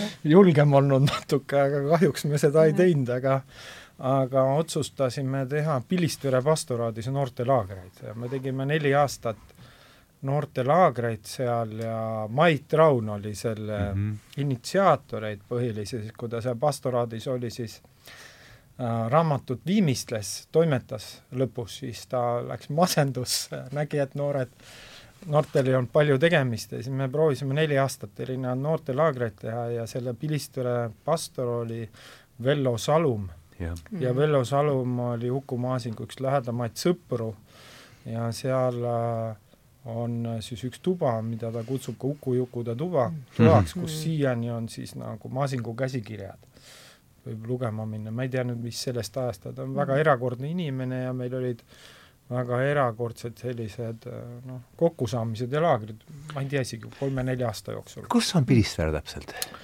Pilistvere on äh, Pole sa Anna no sattunud? kõige parem, kui sa pöörad Viljandi poole, siis kuskil noh, no vasakut kätt, kui paarkümmend kilomeetrit. Jah, siis ma ikkagi- ma isegi kilomeetrite arvu Türi või kui Türilt lähed, siis üle tee otse edasi. jah, ma sõitsin sealt vist läbi. ja Vello Salum oli väga erakordne kuju, kirikuõpetajana ka, et ta kristliku õpetajana oli ka erakordne, et ta nagu proovis arendada sellist looduslikku vaadet ja looduslikku suhtumist ellu ja praegu seal elab vist üks ainukese Eesti luterlik eh, nii-öelda, kuidas need kogukondi, noh, kes kohapeal elavad, inimesed erinevad ja mm. ja isegi mõned filosoofid, ma saan aru, keegi seal saunas elab kohalik pastor, et noh, päris huvitav koht on tekkinud sellest. see on mingi oma, oma vaibiga koht on see vist. ja, ja, ja Mm. minule noh, ütleme Maasingu lugemine Ingvar Luhaäär seksoloogia kaudu on mul väga heaks sõbraks saanud ja tema kaudu siis äh, tema ka väga austas Maasingut ja tema käest ma just kuulsin just Maasingust, kuna teda see seksuaalsus väga huvitas, Maasingu vaateid seksuaalsusele veel ja tema kohtumistes temaga ja ja noh, et Maasingut lugedes ma mõistsin ka noh, seda, et kuidas see noh, näiteks kuidas, kui sa oled kristluses olnud, et kuidas siis nagu suhtestuda Tiibeti budismiga või budismiga ja loodususuga, loodusega, et see on nagu need filosoofiad või Mhm. maailmavaade äh, kuidas nüüd öelda, loksus nagu noh, paika, et kadus nagu vast-, noh, teatud vastandumine ära või sain nagu noh, said nagu sellest eestlase usust mm. või iseenda sellest nagu aru. ja Luhar, kui me saime valmis raamatu Mees muutuvas maailma, ei anteeks, Seksuaalsus Eestis aastal kaks tuhat kümme või kaks tuhat üksteist. seksuaalsus Eestis, jah? Siis ta sundis mind koos abikaasaga, et nüüd sul on aeg minna, et minuga Indiasse tulla ja siis me läksime kolm nädalat ja ja sattusime kohe Dalai-laama õpetusele seal abikaasa, kus noh, min-, Ingvar ise ei tulnudki, aga abikaasa, mina ja veel paar inimest ja see lükkas siis nagu Aha. mingid küsimused väga tugevalt käima ja noh, sellised nagu vastused, et see paar-kolm aastat ma lugesin neid äh, mm, erinevaid Tibet, noh, budistlikke filosoofiaid ja siis äh, ühel hetkel otsisin infot Eestis, sattus nimi Anu Roodalu Google'is ja siis äh, kuulutuse Tune jooga on ju nädala pärast on mm., ma olin müüdud mees, kuna mind see teema huvitas, siis ma mm. läksin sinna ja siis vallandus ahel, ütleme mm., edasiste õppimiste ja muu üsna tiheseks järgmiseks üheteistkümneks aastaks ja nüüd siin, nii ma selle Tiibeti asja sisse sattusin. aa, nii et see kaks tuhat kümme on siis see Lohaäära siis ja. see organiseeritud retk Indiasse on see mm. üks tead, see oli varem, see oli kaks tuhat kuus lõpus. see oli kaks tuhat kuus, jah? Kaks tuhat seitse ma lõpetasin selle lihasöömise ära ja nii edasi, et peale seda Dalai-laama asja. et noh, et see oli nagu teatud mõttes nagu noh, suurem muutus mm. -hmm kaks tuhat kuus, kaks tuhat seitse, aga noh, loodusravitsejaid mööda ma olen kogu aeg käinud, on ju, mingil määral, noh, kuna see on nagu võib-olla noh, meie peres on see loomulik olnud teatud asju teha, eks ju, noh, algusest saati lihtsaid asju ja noh, kui, kui ma elasin Supilinnas veel aasta ülikooli mm. ajal ja Vene sõjaväest ja kool oli kehva, noh, huvitav kool, kus ma käisin keskkool, aga õppimistase olnud nii hea, et arstiteaduskonda vaja seda, et pidin ettevalmistuskursust läbima, et ülikooli tulla, seal ma sain su-, tuttavaks mõnede füüsikutega rahvatantsus, kes olid taaralased. ja siis ühe taaralasest surnud sõbraga Indrek Raudsepp noorelt suri, läksime Aleksander Reintalu Vigala sassi juurde, kaheksakümmend üheksa või kuskil nii. Ja siis äh, seal noh kaheksakümmend üheksa? ja, ja siis kuskil tekkis mul noh, väga huvitav diskussioon temaga ja ja siis ma aeg-ajalt tema juures käisin noh, niimoodi, mul ei ole meeles, vahel rohkem, vahel harvemini, korra aastas, ma arvan. et noh, mingi korra paari aasta jooksul, et noh, et ja noh, mingeid selliseid, ta oli väga huvitav kuju mm. ja mingeid kindlasti olulisi mõtteid sain temalt. Mm -hmm. ja, ja siis muidugi Luhaääre ümber tiirlevas seltskonnas, seal käib igasuguseid, seal ma õppisin väga ka erinevaid asju, noh, ütleme sellist Eesti kodune mm. -hmm et Luhaäärel on üks huvitav kool olnud, intuitiivteaduste kool, mida ta vedas ma arvan, üle kolmekümne viie aasta, sinna ta sundis mind ka minema.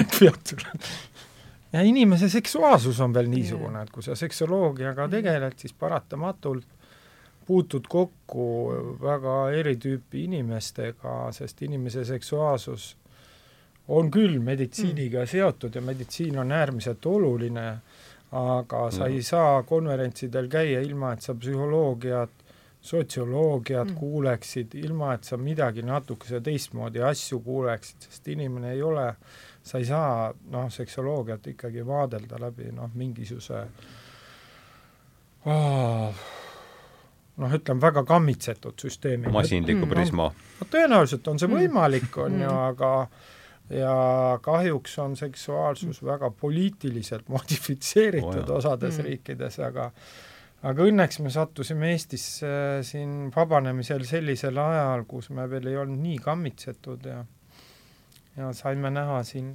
võib-olla Põhjamaade parimaid palu ja Eesti, Euroopa parimaid palu nendes asjades, et see on ka noh, et seksuaalsus lihtsalt on selline, sa ei saa nii, noh, sa ei saa panna armastust täielikku valemisse. on ju nii, et noh, et sul jääb ruumi, on ju, või feromoone ei pane valemisse, on ju. Miks kiim tekib vahel mingil juhtumil, sa ei saa seda päris feromoonid ei mahu valemisse. jah, noh, täielikult, jah. Ja jaa, aga ma tahtsin nüüd äh, küsida veel, me rääkisime seal alguses, et selle, kui nüüd tuli, tuli see üleminek siis sellelt äh, süsteemi teoorialt sellesse äh, teraapia poole, et kas selliseid, see hetk, et ohoo, et see töötab, see mm -hmm. mõle, jällegi mõlemale see, et alustame Kristiinast, et et see hetk, et, et või vabandust, Katariinast, et, et, et, et kus on see hetk, et oi, et see nüüd töötabki et no, sellised mõned eredamad selliseid äh, psühholoogilise nõustaja õpingud algasid Eestis, oli selline kool, ilmselt tegutseb ka praegu, professionaalse psühholoogia erakool, kus sai sellise psühholoogilise nõustaja kutset õppida ja, ja seal see õpe oli sellise tugevalt psühhanalüütilise kallakuga ja samas hästi praktiline. ja psühhanalüütiline tähendab siis Jungi poole? Jungi ja Freudi, Freudi ja, ja, ja noh, lapsepõlv, kõik see mm -hmm Winnicott ja Anna Freud ja Winnicott, kõik jah. need varase mm, lapseea uuringud äh, olid seal ka põhjalikumalt käsitlusel ja ja noh, eks need äh, teraapiaõpingud äh, on ju sellised, et üksjagu palju tuleb ise ka teraapias käia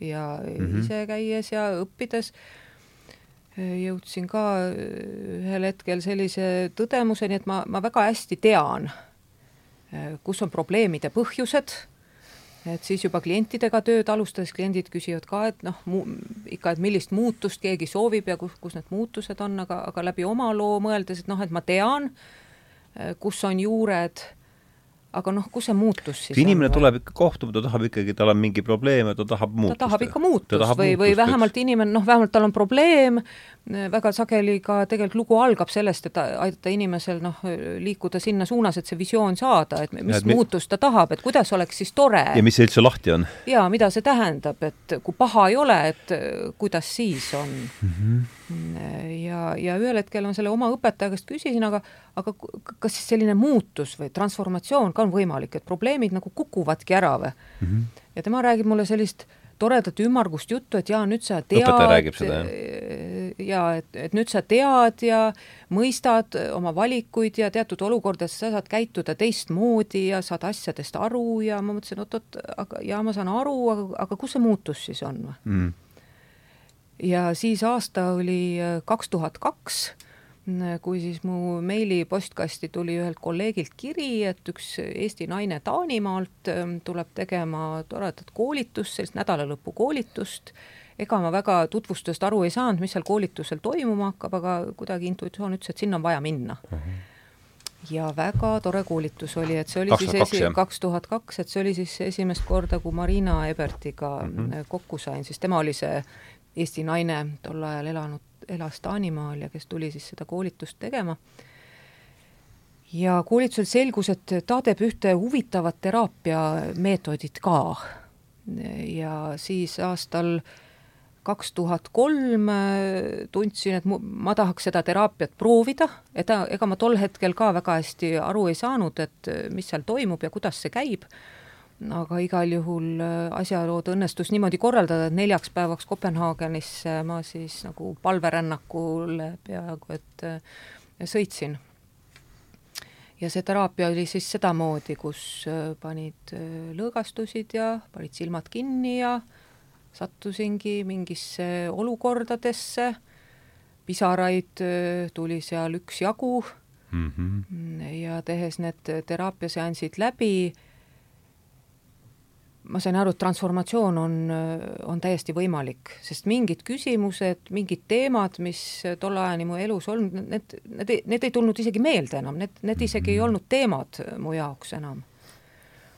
ja siis, eks meil seal, meid, kes me seal Kopenhaagenis sedamoodi palverännakutel olime käinud, oli üksjagu juba ja mm -hmm. siis tekkis ka selline natuke nagu survegrupp. ja see on nüüd see holistiline regressioon juba, jah? jaa, et tol ajal tal oli holistiline teraapia, selle nimetus on ka nende aastate jooksul mitu korda muutunud tegelikult. ja see on seesama teraapia.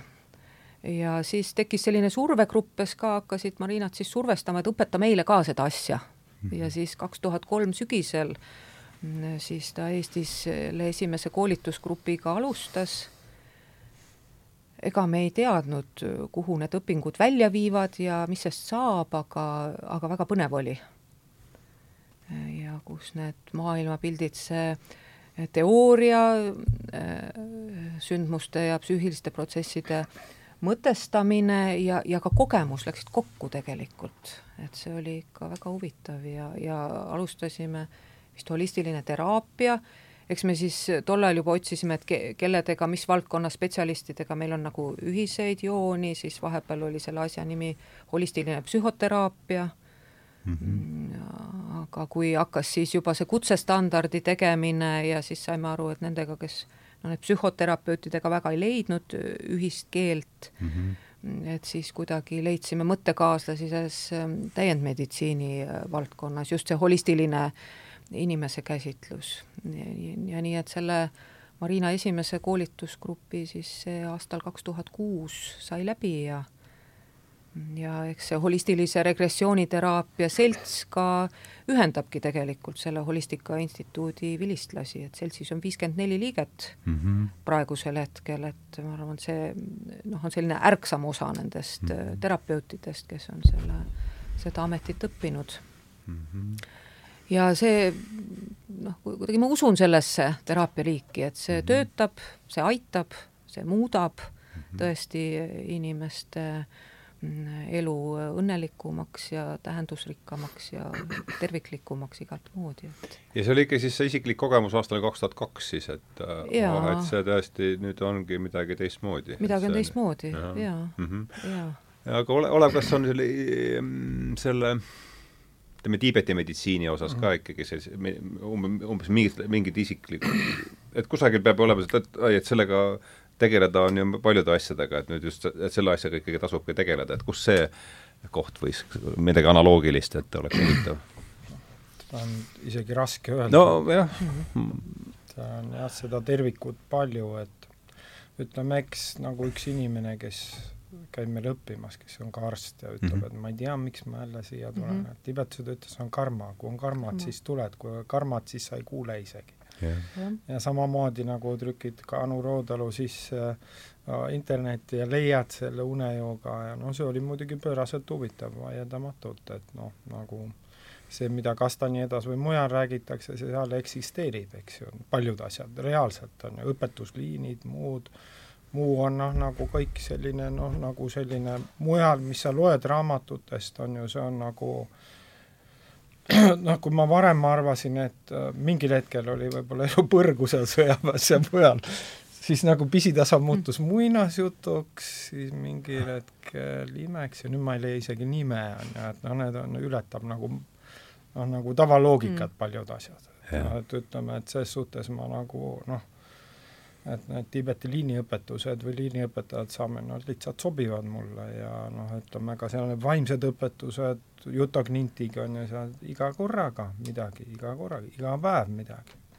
nagu ütles Masing, elusamus, mis on elu mõte, elusamus, ärkvel mm -hmm. olek eilsest, on ju iga päevaga tegelikult koged, koged, kui neid tibetasi, iga päevaga avastad oma meeles, oma mm. meele muutud ärkvel olevamaks millestki, millestki. Ja see ärkvel olek võib ka olema, olla noh, mingi rahutulek teatud, et ta ei pea alati olema, et mingit infot nagu jube palju juurde tuleb. eile jälle avast-, noh, isegi lääne meditsiinitööd teed, siis ikka avastad väikeseid asju ja nii edasi mida võib ühte või teistmoodi teha, iga, kogu aeg avastad, ütleme selles suhtes, et noh, et see Tiibeti asi ongi jah, natuke ta on ime, et nat-, et ongi ime jah, midagi ei ole öelda. -hmm. aga noh, sa pead nagu rahulikult võtma ja jaksama jätkata, sest ega see imede keskel ei ole ka lihtne olla et sul nagu, kui sul omal kogu aeg igasuguseid asju aeg-ajalt üles kerkib või teistel, siis tekivad arvamused ja vaated ja eks see ongi selline noh, nagu jah, eks need võib-olla jah, need unenäo ja mulle ka need Tiibeti vaimsed praktikad ka väga sobivad mm. või noh, väga on nagu see on siis eelkõige, mis seal on, meditatsioon, ma kujutan ette? Noh, seal on täiesti oma süsteem Jutagnintigis, et seal on väga palju erinevaid etappe. Eelpraktikatest, nöndröst kuni siis äh, Naropa joogadeni ja see Ati joogadeni, noh, neid tehakse nagu etapiviisiliselt, igapäevapraktikad ja siis noh, nagu sellised perioodilised ja ja siis on veel noh, eksootilisemad asjad nagu mantraravid ja muud on ju, et noh, mida sa võid enda jaoks uurida ja vaadata ja mm -hmm. ja siis seal on neid kihte niivõrd palju, ta on niivõrd rikkalik ja ütleme noh, väikesed asjad, mida sa teed, no juba omal ajal, kui ma massaaži tegin, et siis noh, si-, ka siis oli juba olemas. et kui sa ikkagi kellegiga saad efekti, seljavalud kaovad, kaovad ära mõnele kolleegile või või saab inimene paremini liikuda või siis noh, see on nagu noh, meditsiinis on see tavaline, on ju, et see, ma tean, Vene, Vene sõjaväes oli üks juhtum, mul tuleb meelde, kui mul oli kohutav seljavaru, tagantjärgi olen mõelnud, et see võis oluline olla, et, et ma mitte midagi ei olnud teha, on ju, et ravimeid ei ole, kellegi juurde ei ole minna, seal oli mingisugune ahi, on ju, mille peal vilte soojendati, on ju, või kuivatati mm. -hmm siis ma võtsin kuskilt telliskivi, on ju, lasin selle äh, ja läksin see, ajasin kuumaks ja läksin selle peale, esimene kord ei trehvanud, aga siis ma kuidagi otsisin ikkagi teise, on ju, ja lasin selle tellisest nagu selle niiskuse välja, siis läksin peale, kõik läks ära, on ju, aga te, seljavalvu, see oli nagu selline tagantjärgi ja kui nüüd hakata Tiibeti meditsiini uurima, siis jaotaksegi seal haiget soojaks ja külmaks, on ju kõik noh, ütleme erinevad seisundid ja võibki kõiki jagada laialt ja nii tegeleda, on ju, et noh, ja pa-, ja lähenetaksegi nii, isegi tellisepuru on seal olemas nagu, tellisepuru mm. kompress, noh lihtsalt ja meestele vahel ma toon võrdluse, et noh, näiteks meestel alakehavaludega aitavad soojendused, et lähed randa, vaatad kive, on ju, katsud ühte kivi, on ju, ühtmoodi, on ju, noh, käe, käele vastu, teine teistmoodi, kuigi nad on päikese käes, on ju, mhm. eks üks on ühtmoodi, näiteks üks on raudkivi mm -hmm. või see, mis, mis see teine, paekivi on mm -hmm. ju, on ju täiesti erinevad kummal päeval ja samamoodi, eks see väga lihtne loogika on ju, kuidas nagu neid teha, soojendavaid teraapiaid ja omal ajal, et kas ta on voolavast veest või on mhm. mäe põhjaküljest või lõunaküljest, et see on, see ongi see loomulik või looduslik mm, -hmm. et see too, see Tiibeti meditsiin on mulle seda nagu loomulikkust veel nagu noh, nagu juurde toonud mm. -hmm. elementaarset, mida sa võid, et sa võid saada elementaarsega ka abi, et alati ei pea olema mingit sellist nagu kohutavaid noh, nagu trikke, on ju. või noh, nagu tänapäeval ka noh, vaatad, et noh, mõni mees, et oled näinud seal eesnärve probleemidega on, et ta võtab toast kaasa lambavilla on ju, paneb autosse, mis on toasoojustatud, tal ei ole probleeme, aga kui tal näiteks on nagu noh, läheb autosse, mis on külm mm. ja paneb istmesoojenduse käima, niiskus kerkib, siis on probleem, on ju. noh, aga lahendused võivad vahel olla lihtsad, mõnes mõttes ongi see looduslik, see on mm. loomulik ja noh, tegelikult sellest ka noh, kui me vaatame Tiibeti meditsiini, siis ta räägibki, välised teraapiad räägivad sellest loomulikkusest, no mm -hmm. näiteks need võib-olla kanalitest rääkisime mm, -hmm. on ju, noh, öeldakse, et joogid teatud tasemel näevad neid, kui nad teevad pikki Aha. praktikaid mm, -hmm. et nad näevad oma keha teistmoodi, nad teevad kanali, nagu mm erinevaid kanalite praktikaid mm -hmm. ja pisitasa hakkavad neid nägema või kujustavad mm -hmm. ja selle kaudu teatakse, siis välisetest teraapiatest sa ei pruugi neid näha, sa ei pruugi neid tunda, aga kui sa õpid seda süsteemselt, siis sa võid neid näiteks masseerida, ütleme, või mm -hmm. panna sinna soojendust, näiteks hormeed ja sellega võid noh, nagu rahustada emotsiooni või mm -hmm. või jah, või tänapäeva mindfulness võib öelda, tegelikult on ka ju Tiibeti süsteemist tulnud, et keskendumine, keskendumine hetkel, et kunagi mul oli üks mees mhm. vastuvõtul, mul ei olnud teda mitte kusagile saata, naine medits-, tal ei olnud raha, naine oli maha jätnud, kõik sada, no kõik maailm kokku kukkunud ja siis, äh, siis ma talle õpetasin hingamisele keskendumist ja, ja seda, et pea meeles, et sina ei ole mm. sinu mõte, on ju mm. -hmm. sa oled midagi muud, keskendu hingamisele ja ta suutis seda ja. nagu õppida ja koos suutsime teha ja, ja. ta siiani elab, on ju, ta ei tapnud ennast ära, eks.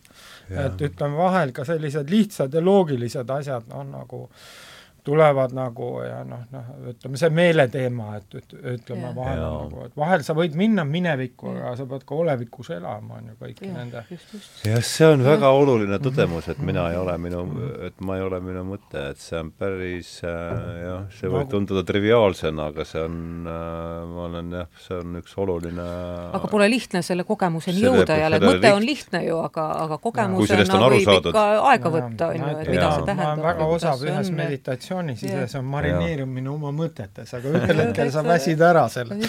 Ja siis ütleme, sa saad aru, et sa, sinu mõte.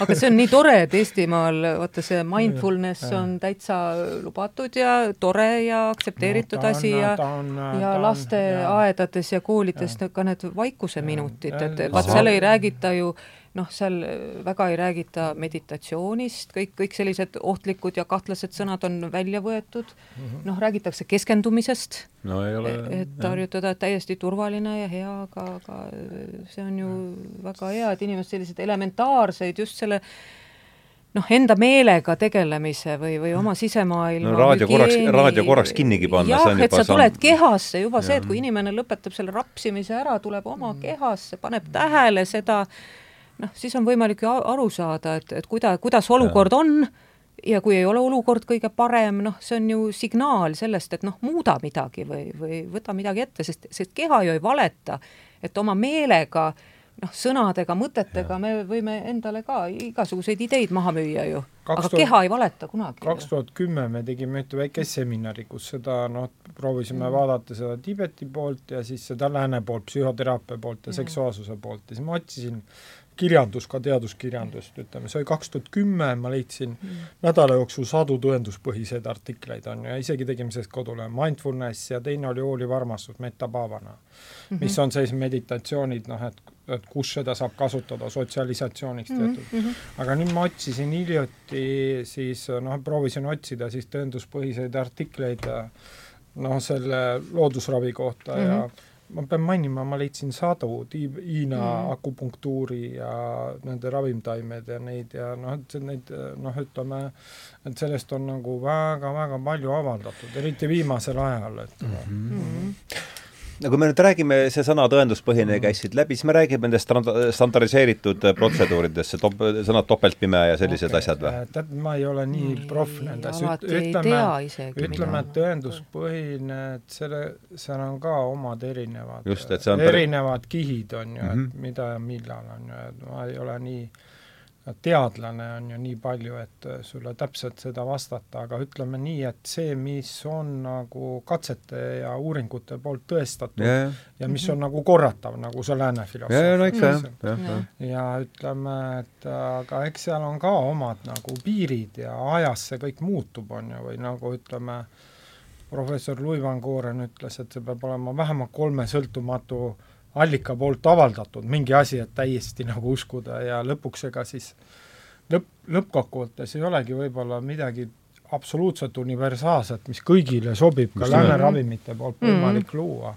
et ega siis lääne ravimitega samamoodi, mina pean inimestega otsima erinevate tootjate ja muu baasil, mis kellelegi sobib, et kõigile ei pruugi ka kõik sobida, see on normaalne, siis tuleb otsida järgmist ja sest meie kehad on natuke mõnes mõttes väga sarnased mõnes mõttes erinevad, aga loomulikult see katse ja selle korratavus on äärmiselt oluline, sest maailmas on miljardeid inimesi ja kui sa tahad noh, mingil määral, et et, et noh, teada, mida teha, noh kas või see Erstajärve lõikus, kuidas seda teha, on ju, välja lõigata vähikätt, inimene normaalselt edasi elab, siis peab seal olema, aga aga teine on siis, tegelikult on teadust erinevat veel, on nagu ühel hetkel ma puutusin kokku see kvalitatiivse, ka Eestis on kvalitatiivse, millest nagu räägitakse vähem kus on nagu teistel printsiipidel otsitakse rühma või või meditsiinis on siis võib öelda veel juhtumipõhine on ju, et noh, et need juhtumid eriti Mhm. neuroloogias ja mujal on, et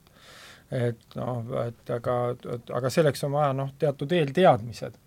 või Tiibeti süsteemis ütleme, on noh, nagu et eks see Tiibeti meditsiini või Tiibeti meditsiiniõpikuid kutsutakse tantrateks nagu mujal. ja tantra tähendab liini, on ju, liiniõpetust ja tähendab järjepidevust mm, Mhm. -hmm. ütleme ja ütleme, et äh, ja Ti- Tiibeti õpetusi antakse edasi siis liinipõhiselt, mis tähendab, et see liin tuleb näiteks tuhat aastat on mm -hmm. Mhm. ju järjest katkematult, on ju, on liiniõpetajad ja on tekstiseletused, mida see tähendab mm Mhm. -hmm. ajastupõhised. et see ka see noh, nagu et seal on nagu teatud mõttes aja või õpetajate või kogemuse poolest kultuuris tõendatud meetodid, noh näiteks, et äh, teatud tüüpi teraapia sobib teatud asja korral, teatud kohas mm, -hmm. on ju, aga seal tekivad probleemid, on ju, noh et kui sa viid massidesse ja hakkad uurima, ütleb, et ei tööta, on ju, äh, sest äh, doktor Arbuzov tõi hea näite, et noh, näiteks siga. kas doktor Arbuzovi nimi on mitu korda läbi käinud? Peterburist äh, lääne meditsiini haridusega, kes meid on käinud õpetaja, kes on pühendunud siis Tiibeti meditsiini uh -huh. õppimisele ka Burjatias ja mujal, kolmkümmend mm. aastat ja oskab ka siis tiibeti ja sanskriti mm. keelt natuke, algkeeli ja nendes, et ta on ja. nagu vä-, lääne inimese jaoks noh, meie üks õpetaja. kui vana ta oma umbes on? tema on kuuskümmend natuke üle mm. -hmm. aga meie põhiõpetaja on doktor Nida Tšenatšan Kamdost, Namdost ja noh, Eestis vaimne õpetaja on siis Trukmageal, kes on Amdost pärit. No,. ja kohalik kõige haritum Tiibeti meditsiinis on Anu Rootalu, tema on juba kahe tuhandendate algusest sellega tegelenud ja uurinud ja ja tema mm. pildi ma leidsin ka, et tema oli juba Burjatias noore tüdrukuna kaheksakümmend kaheksa, mis ma kaks tuhat kümme leidsin, kuskil siis, et tema on nagu uurinud neid asju hästi pikalt ja muuseum ämmaemanda haridusega mm. ka algselt ka meditsiinis mm. -hmm. lisa, lisaharidusega mm.. eks need tõendavad ja. lood saavadki olla, ma arvan, sellised juhtumipõhised pigem. no sest... loodusravis jah, aga ja. noh, eks tänapäeva maailm, kui maailm on suur ja lai, on ju, või mm -hmm. kultuuripõhised, ütleme, et mm -hmm. et on õnnestunud käia ka Amdos sealsamas, kus Amdo, jah Am,? noh, Amdo on vana Tiibeti piirkond mm, -hmm.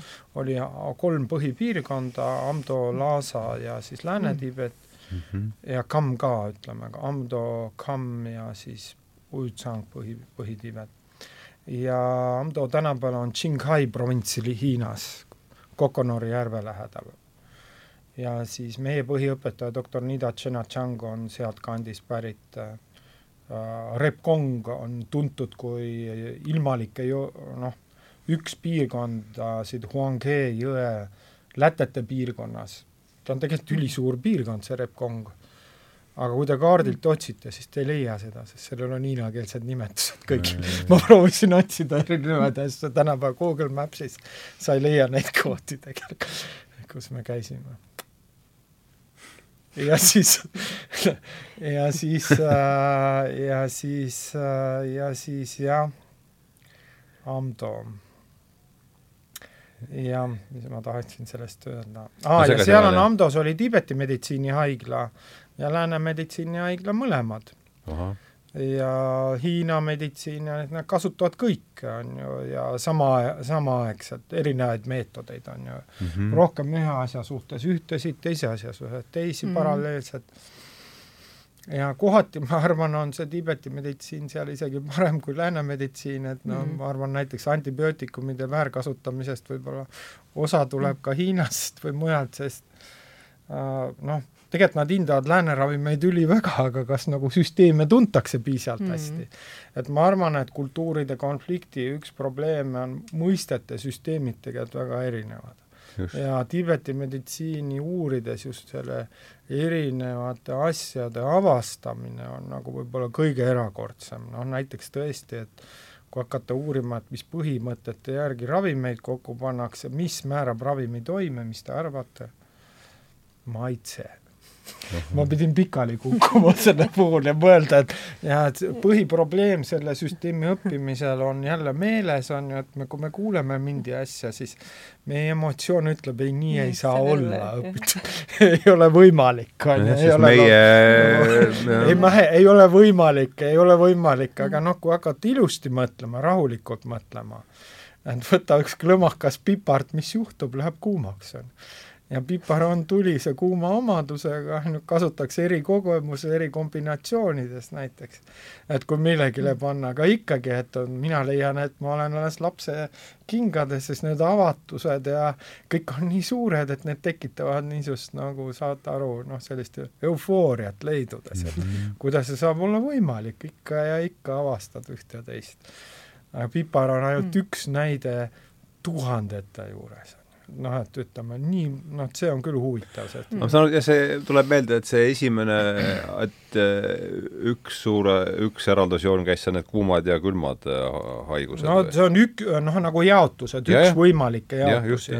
aga no üks põhijaotus on siis tantrad, on erinevad tantrad, ütleme need õp-, noh, mida Juto Kjönten äh, noorem pani kokku siis no ütleme, sellel perioodil enne ristirüütlite tulekut meile pandi need äh, meditsiinitantrad kokku, kuigi ka algselt olid juba mm. Bumtši, Pömpö tekstid ja muud tekstid ja oli, tegutses ka Juto Könten vanem, okei. Okay.. ja siis äh, ja siis need meditsiinitantrad on tänapäevani põhiõpikud, on nagu juurtantra, mis seletab süsteemi. Mm., süsteemset.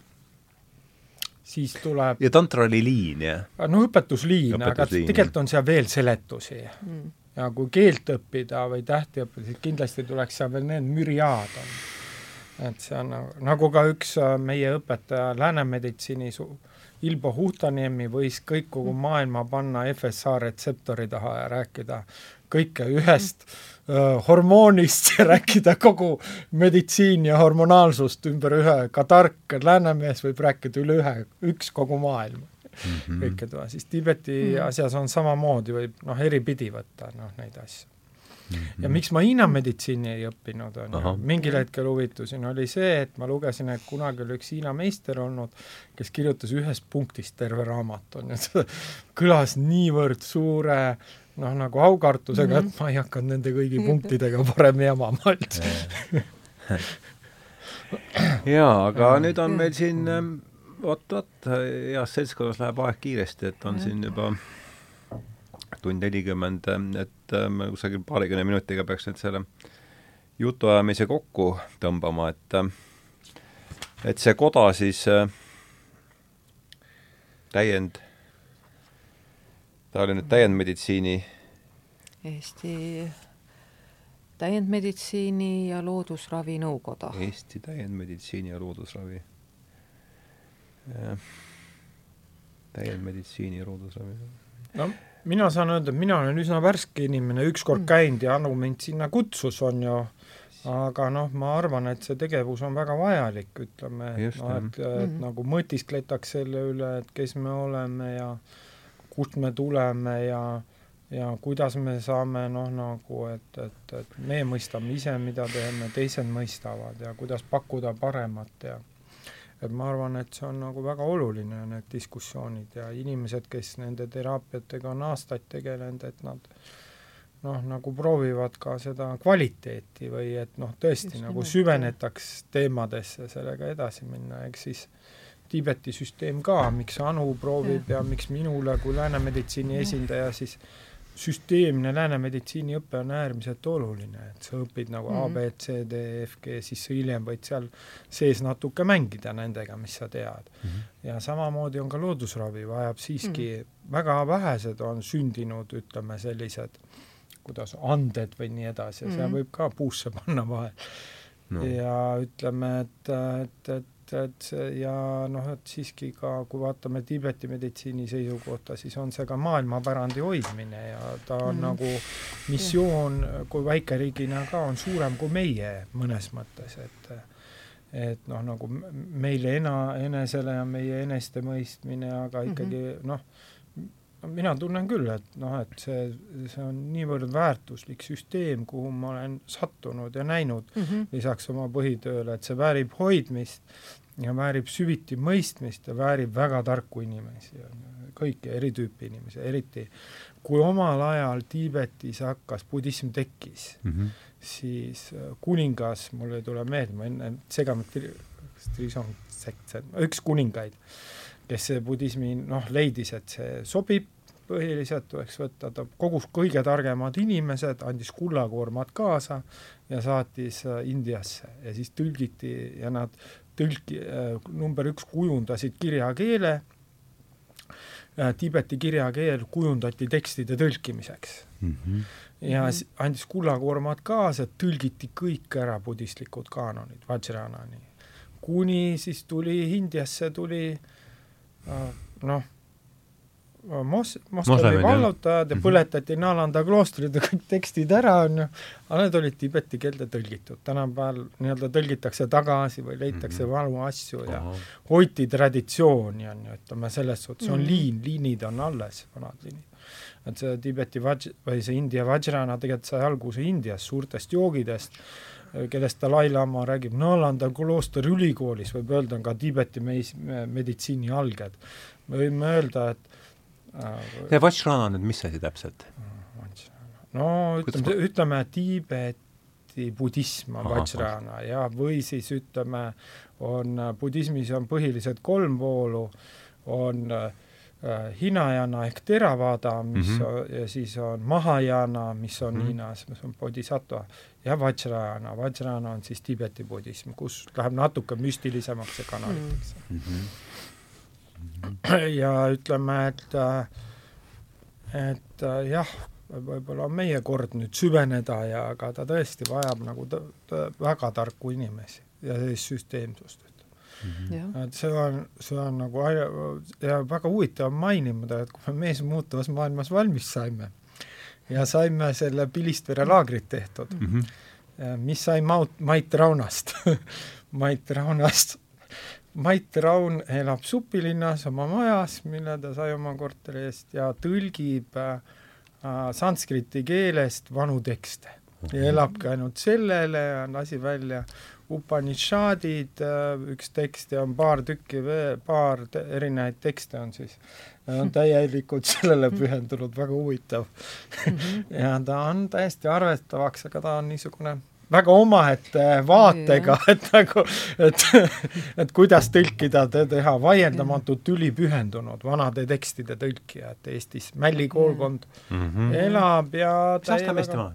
tema on, ma arvan, ma ei tea, mis aasta sa oled sündinud, minust paar aastat vanem, võib-olla ta on kuuskümmend neli või midagi. kuuskümmend kuus, jah.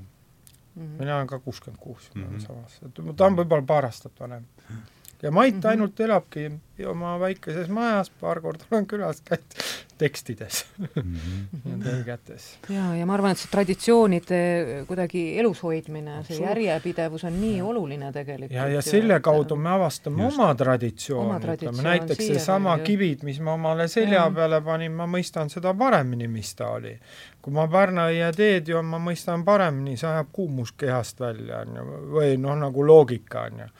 kuidas tasakaalu hoida või nii edasi. Pärna-aia tee ajab kuumust ja, ja teiseks ja. ütleme, Pärna-aia tee, Pärna-ais kui niisugune on tšudlen või elueliksiir, ütleme, needsamad ravimtaimed on me ja ravimtaime korjamise traditsioon on meil, ütleme tegelikult Tiibeti kuulsaim äh, tšudlen ehk siis noorendavad teraapiad või tervise alalhoidjad koosneb kolmekümnest kodumaisest õistaimest, õige, noh, õigel ajal õigel moel korjatud ja käe käsitletud, et ma arvan, et äh, meie kodumaine äh, taimede korjamise ja kodudes ja näiteks kui vahel meestele ka vastuvõtul mm. ütlen, et et noh, et kasvatage oma aias, noh mm -hmm. näiteks tahavad äh, teed juua või niimoodi või kasutada ja väga tihti veel üheksakümnendate alguses äh, nägid, et elujõulisemad mehed olid need, kellel oli oma väike aed ja seal käisid suvel seal ja kasvatasid ühte-teist, käisid aeg-ajalt kontrollisid oma tervist, tegid muud, aga tegid ka oma asju ka mm, -hmm. maatööd või olid nii-öelda elementidega koos, selle loodusega koos mm. -hmm. ja ega siis ka Tiibeti meditsiin, kui me vaatame holistikast, ta läheb veel sügavamale, et omal ajal oli ka keskkonna hoidmise teema, siis arvatakse, et et maailma on mitmeid, ei ole ainult meie maailm mm., räägitakse kuuest eri ilmast mm. või seitsmest eri ilmast, Tiibeti Vajranas ja mujal, Tiibeti meditsiinis on ka nähtamatu maailm ja öeldakse seda, et noh, et kõik mm. need viiruse asjad on sellest, et no, looduse, looduskeskkonna rikkumisest no. See, seda ikka, räägib seesama seesama Eisenstein ka ju räägib, nagu et proovime ikka oma seda loomulikku harmooniat, noh, mis meil on äh, mitte liiga paaniliselt suhtuma, aga säilitama see, et meie kultuuris nagu Aleksander Eintalu, kui puud langetas, kommunikeerus temaga ja ja allikate ega muuga mitte võtta ainult kui tootmisobjekti, vaid äh, see on meie noh, ma arvan, kultuuri suur väärtus. on ja meil Eestis on ju veel see ja. oma säilinud, et meil see oma, võib öelda meie meditatsioonitraditsioon mm. ju, me oleme saunas käinud ju, et mm -hmm. kõik läbi aegade ju hinganud niimoodi sügavalt ja pikalt ja aeglaselt ja selle, selle tuleb uhkust tunda, jätkata, alles hoida, mitte alati rääkida, kui kõike ei mõista ja esitada ka küsimusi, mida see Eisenstein just mm. oma artiklis välja toob, et mik-, just, just see, et et mis siis süsteemis või mis siis mhm. looduses on tasakaalust ära, et, et miks inimesed haigestuvad, miks inimesed ei, ei kohane enam eluga, et selle mhm. asemel, et nende ärevused, depressioonid kuidagi maha suruda, et selle asemel esitada hoopis teistsuguseid küsimusi no., et äkki inimesed ei ole värskes õhus piisavalt mm, -hmm. ei liigu piisavalt, noh, täiesti loogiline, meil ehitas neid klaasist maju, kus aknad ei käi ei lahti, millega torud puhuvad, tõmbavad, aga seal ju, ma ei tea, potililled ka ei ela seal, et Jesus et siis me imestame, et kopsud on nõrgad, et jaa, aga see on ikka kõik see üks seesama kuidagi mingi all, allhoovus seal, et see, kaitseme ennast looduse eest. Äh, kaitseme looduse eest ennast. see on ilmselt ja. natukene huvitav veel, noh, paljudest ja. kihtidest teema no,. paar ja. näidet meelde mm, -hmm. et eks no loomulikult, ma olen ise väga mugav, mul meeldib elada soojas kodus ja no, süüa ja käia, süüa croissant'i ja juua kohvi ja sõita autoga, vaadata kohta ja ja ma ei saa ennast üliloodusinimeseks lugeda, olen näinud palju ökomaid. aga üks huvitav festival oli Lapimaal, kui mu abikaasa töötas, siis sai käidud Lapimaal palju ja Tiit Pruuli koos kirjutas seda. Ja me käisime seal. Põhja-Lapis on üks festival Riddu Riddu. ahah Norra teema saamide festival. See oli väga kummaline. ma ei ole elu sees näinud saami punki aga kujutad, absoluutselt täielikku punkku, saami punk õhtut ja ja nad olid nii protestiõngulised, ma ei ole kunagi nii protestijat rahvast, ma mõtlesin, paradiisis ja rõhumine, kuidas see võimalik on.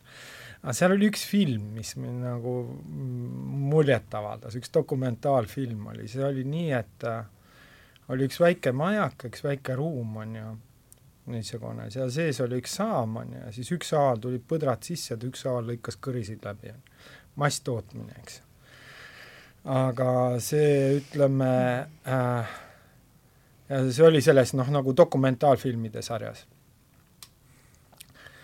äh,. no ma arvan, et äh, kui sa elad loodusega koos, eks ju, siis ongi element, see elementidega koos elamine või mm -hmm. joogi elab või mediteerub või ja sama on algrahvastega, indiaanlaste, saamidega, kui sa oled harjunud koos olema mm. -hmm.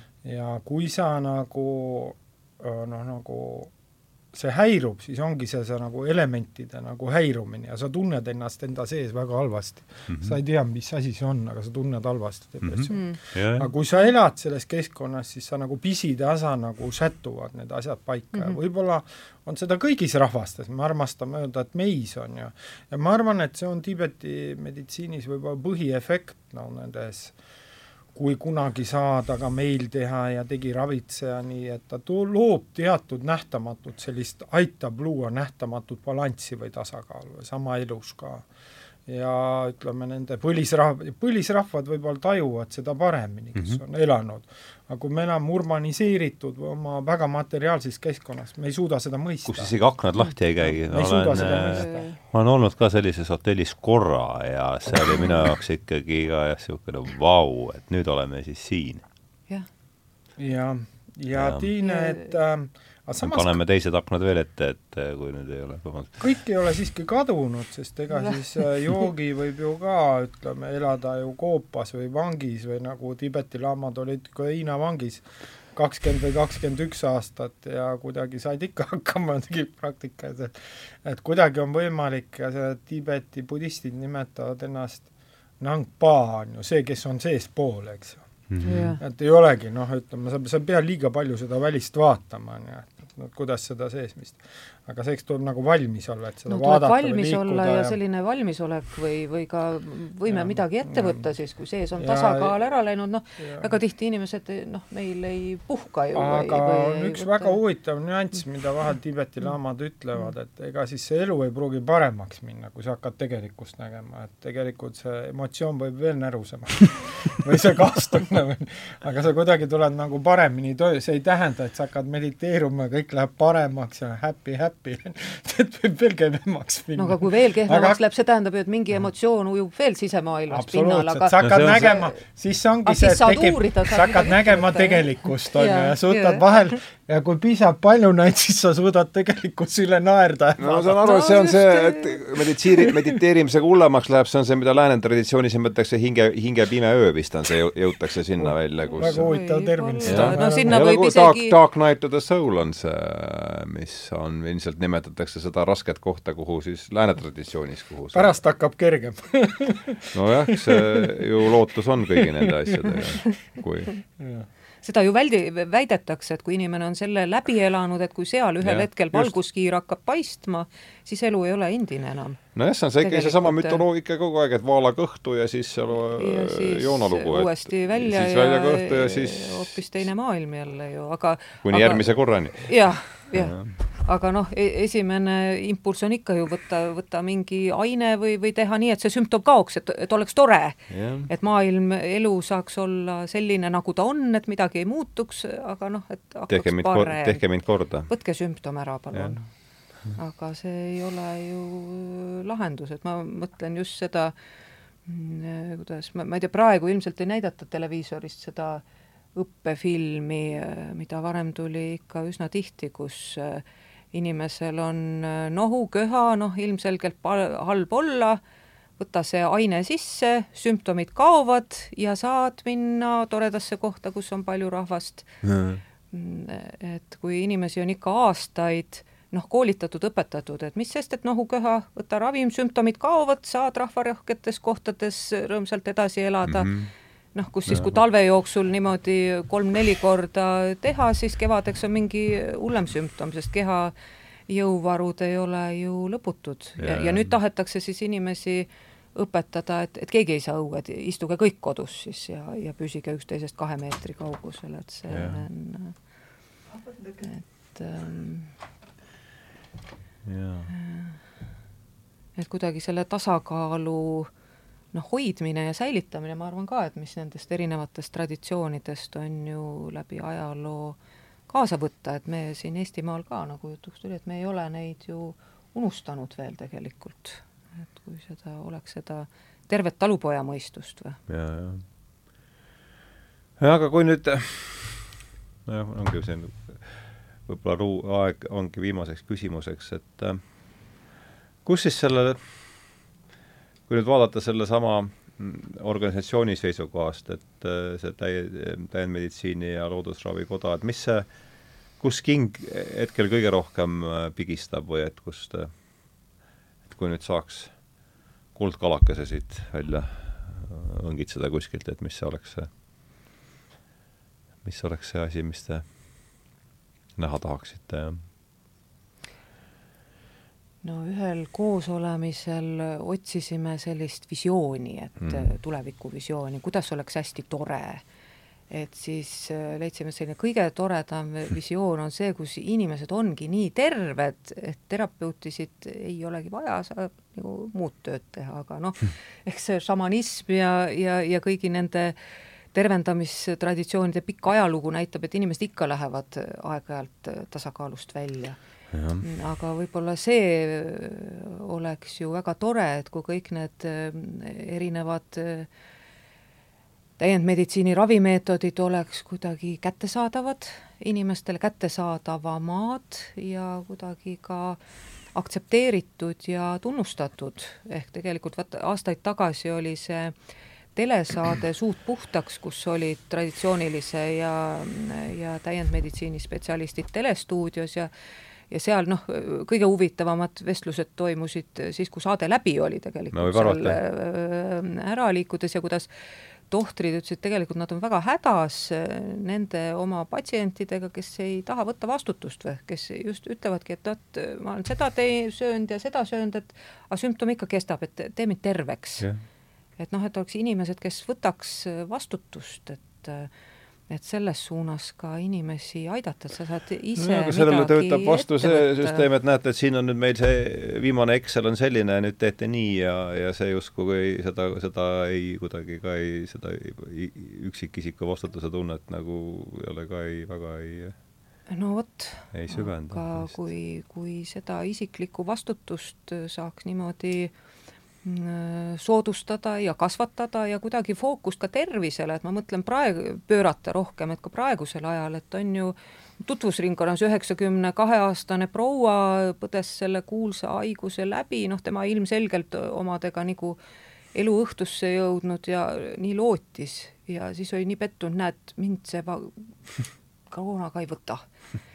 et et äh, kuidagi ma, ma väga loodan, et keegi uurib äh, nende inimeste elustiili ja tegemisi ja toimetusi, et kes, kes põevad kuidagi kergelt või, või kes ei haigestu üldse, et kelle immuunsüsteem toimib, et, et kuidagi fookust natuke sellele tervisele pöörata, mhm. et või mis seal all on. mis neil siis viga on Ehm, ja, ja natuke kuidagi võiks ka võib-olla rohkem tähelepanu või, või ka sellist noh, sõna tõsises mõttes austust saada, see isiklik immuunsüsteem, mis inimestel on loodusest ju kaasa antud, mis on aastatuhandeid meid niimoodi edasi viinud, et et nagu hinnata seda või, või, või ka teha tegevusi, mis, mis toetavad teda, et võib-olla õpetada, nõustada inimesi. Mm. -hmm ja just see täiendmeditsiini valdkond, nagu meie oleme öelnud, et noh, me ei tahaks vastanduda, noh, mitte see või teine, aga, aga nii see kui teine, et sest olgem ausad, väga tihti on vaja ka sellel täiendmeditsiini terapeudil on, on minulgi olnud vaja öelda inimesele, et aga äkki sa lähed arsti juurde mm. -hmm. et kui need kaks kokku saaks panna. just, jah, jah. no sama küsimus ja et mis, mis jaa, ei, ma arvan, kõike ei saa nagu valemisse panna päris, ühe mm -hmm. näite ma lõpuks ütlen see käib see sinu üheksakümne kahe aastase prouaga kokku. aga nüüd ähm, no jah, no ma arvan jah, no viimati, kui me neid artikleid vaatasime, siis tõendust on mm -hmm. nii palju, aga mm -hmm. peaks seda see kinni panna, et ta noh, no on kasutusel ja paljud asjad mm -hmm. toimivad ja rahulikult tuleks vaadata, et siin Tiibeti süsteemis ma näen näiteid Jaapanist näiteks, kus äh, terapeut, üks naine, keda ma tean, kes töötab Kongo haiglas ja teeb teraapiaid nendele näiteks hormeede, erinevaid protseduure, mis leevendab paljuski emotsiooni või meelt või et selliseid näiteid maailmast on tegelikult palju, et noh, me peame mudeldama ja rahulikult vaatama ka mujale mm. ja kus ja mingit koostööd ja mis meetodeid kasutatakse ja noh, mina näen neid, olen näinud inimesi, kes teevad ka noh, nagu koostööd ja nii. ja tõesti artikleid ja me-, ja medi- ja mm -hmm. noh, selliseid osasid asju, mida saab tõendada, osasid, mida ei saa tõendada, sada protsenti on ju. aga sellega mul tuleb see Tiibeti üks lugu tuleb meelde, et doktor Matšik rääkis ühest Tiibeti mehest, see oli muidugi pikk lugu, kellel oli ma ei tea, kõigepealt oli ta vist hobuse pealt kukkunud ja peaaegu peaaegu surma saanud ja siis ta oli sõjas olnud seal Hiinaga olid mingid lahing, noh, oli mingi lahing olnud ja ja siis tal oli äh, kuu, mürsk teda peaaegu tabanud ja siis tal oli põskeauk tekkinud, nii et ta pidi, no suits tuli sealt välja, siis oli äike talle pihta löönud, aga ta ei surnud ära. seletus on see, et kui karmat ei ole, siis ära ei sure, on ju, tee, mis tahad. Sepo kliinikus karma on saatus, eks ole, põhimõtteliselt. teovili tegelikult. teovili, jah ja et on ikka tegu. Mm -hmm. ja ütleme, mul tuleb meelde Sepo kliinikust üks mees, kui ma olin sanitar, siis tema ei tahtnud kõigepealt ennast üles puua, aga teda nähti, võeti mm. alla, siis ta, ta torkas endale südamepiirkonda mingi asjaga, siis ta oli opilaual, on ju, opereeriti, saadi korda, aga peale oppi tõmbas pea eest aknast välja ja jäi ellu, on ju. et, et selles suhtes, et, et noh, nagu või nähakse vahel inimesi, kes on kuskilt kõrgelt, et et see oh,, aga jälle samas võib juhtuda nii, et me läheme välja oh. ja nagu on palju näiteid ja sured siinsamas on ja et noh, et see nagu tiibetlased öelnud, pälvimud lõpp, pälvimused lõpetavad, saavad abi ja siin on äh, hea minu poolt lõpetada, et üks Jaa. kõige tugevam ravi on heade tegude tegemine, elude päästmine, on ju, kui rahv vahel küsib jaa, joogilt, et mida teha, on ju, näiteks, et teha, siis ta ütleb, no elude päästmine. Või heade tegude tegemine, on ju, et noh, et siin pole midagi muud teha Mhm. no see ei tu-, jah, Mhm. näiteks, jah Jah., siin võib lõpetada. ja noh, head Jah. teod ja, ja noh, looduses käimine ja metsas käimine ka, ma arvan, on see, mis mis ja vaatad, kelle peale sa astud, on ju, jah, nagu jah. et see- või mida sa teed. No praegu näed uker-, näed enda ümber moid. praegu ukerdad jääd mööda ja pead eriti keskmes püsima iseendas. Jah, see on selles mõttes küll, jaa. jah, aga Mm. kena, suur aitäh teile, et te leidsite aega siin mm Mhm. -hmm. hilisel õhtutunnil veel pärast pikka tööpäeva välja tulla, et äh, Mhm. Tallinna Martens, Olev Poolamets, et suur tänu teile mõlemale ja ja rääkisime siis täna nagu ikka, jutt äh, liikus siia-sinna, aga niisugune läbiv teema oli siis täiend ja täiendmeditsiin ja loodusravi ja ja mm, -hmm. ja veel kord suur aitäh teile tulemast ja suur aitäh kõigile, kes on teinud saate võimalikuks ja jaa. Aitäh selle võimaluse eest, aitäh. tõmbame siis äh, joone alla ja lähme lahku suuremate sõpradena, kui enne olimegi, et kõik, aitäh. aitäh! aitäh.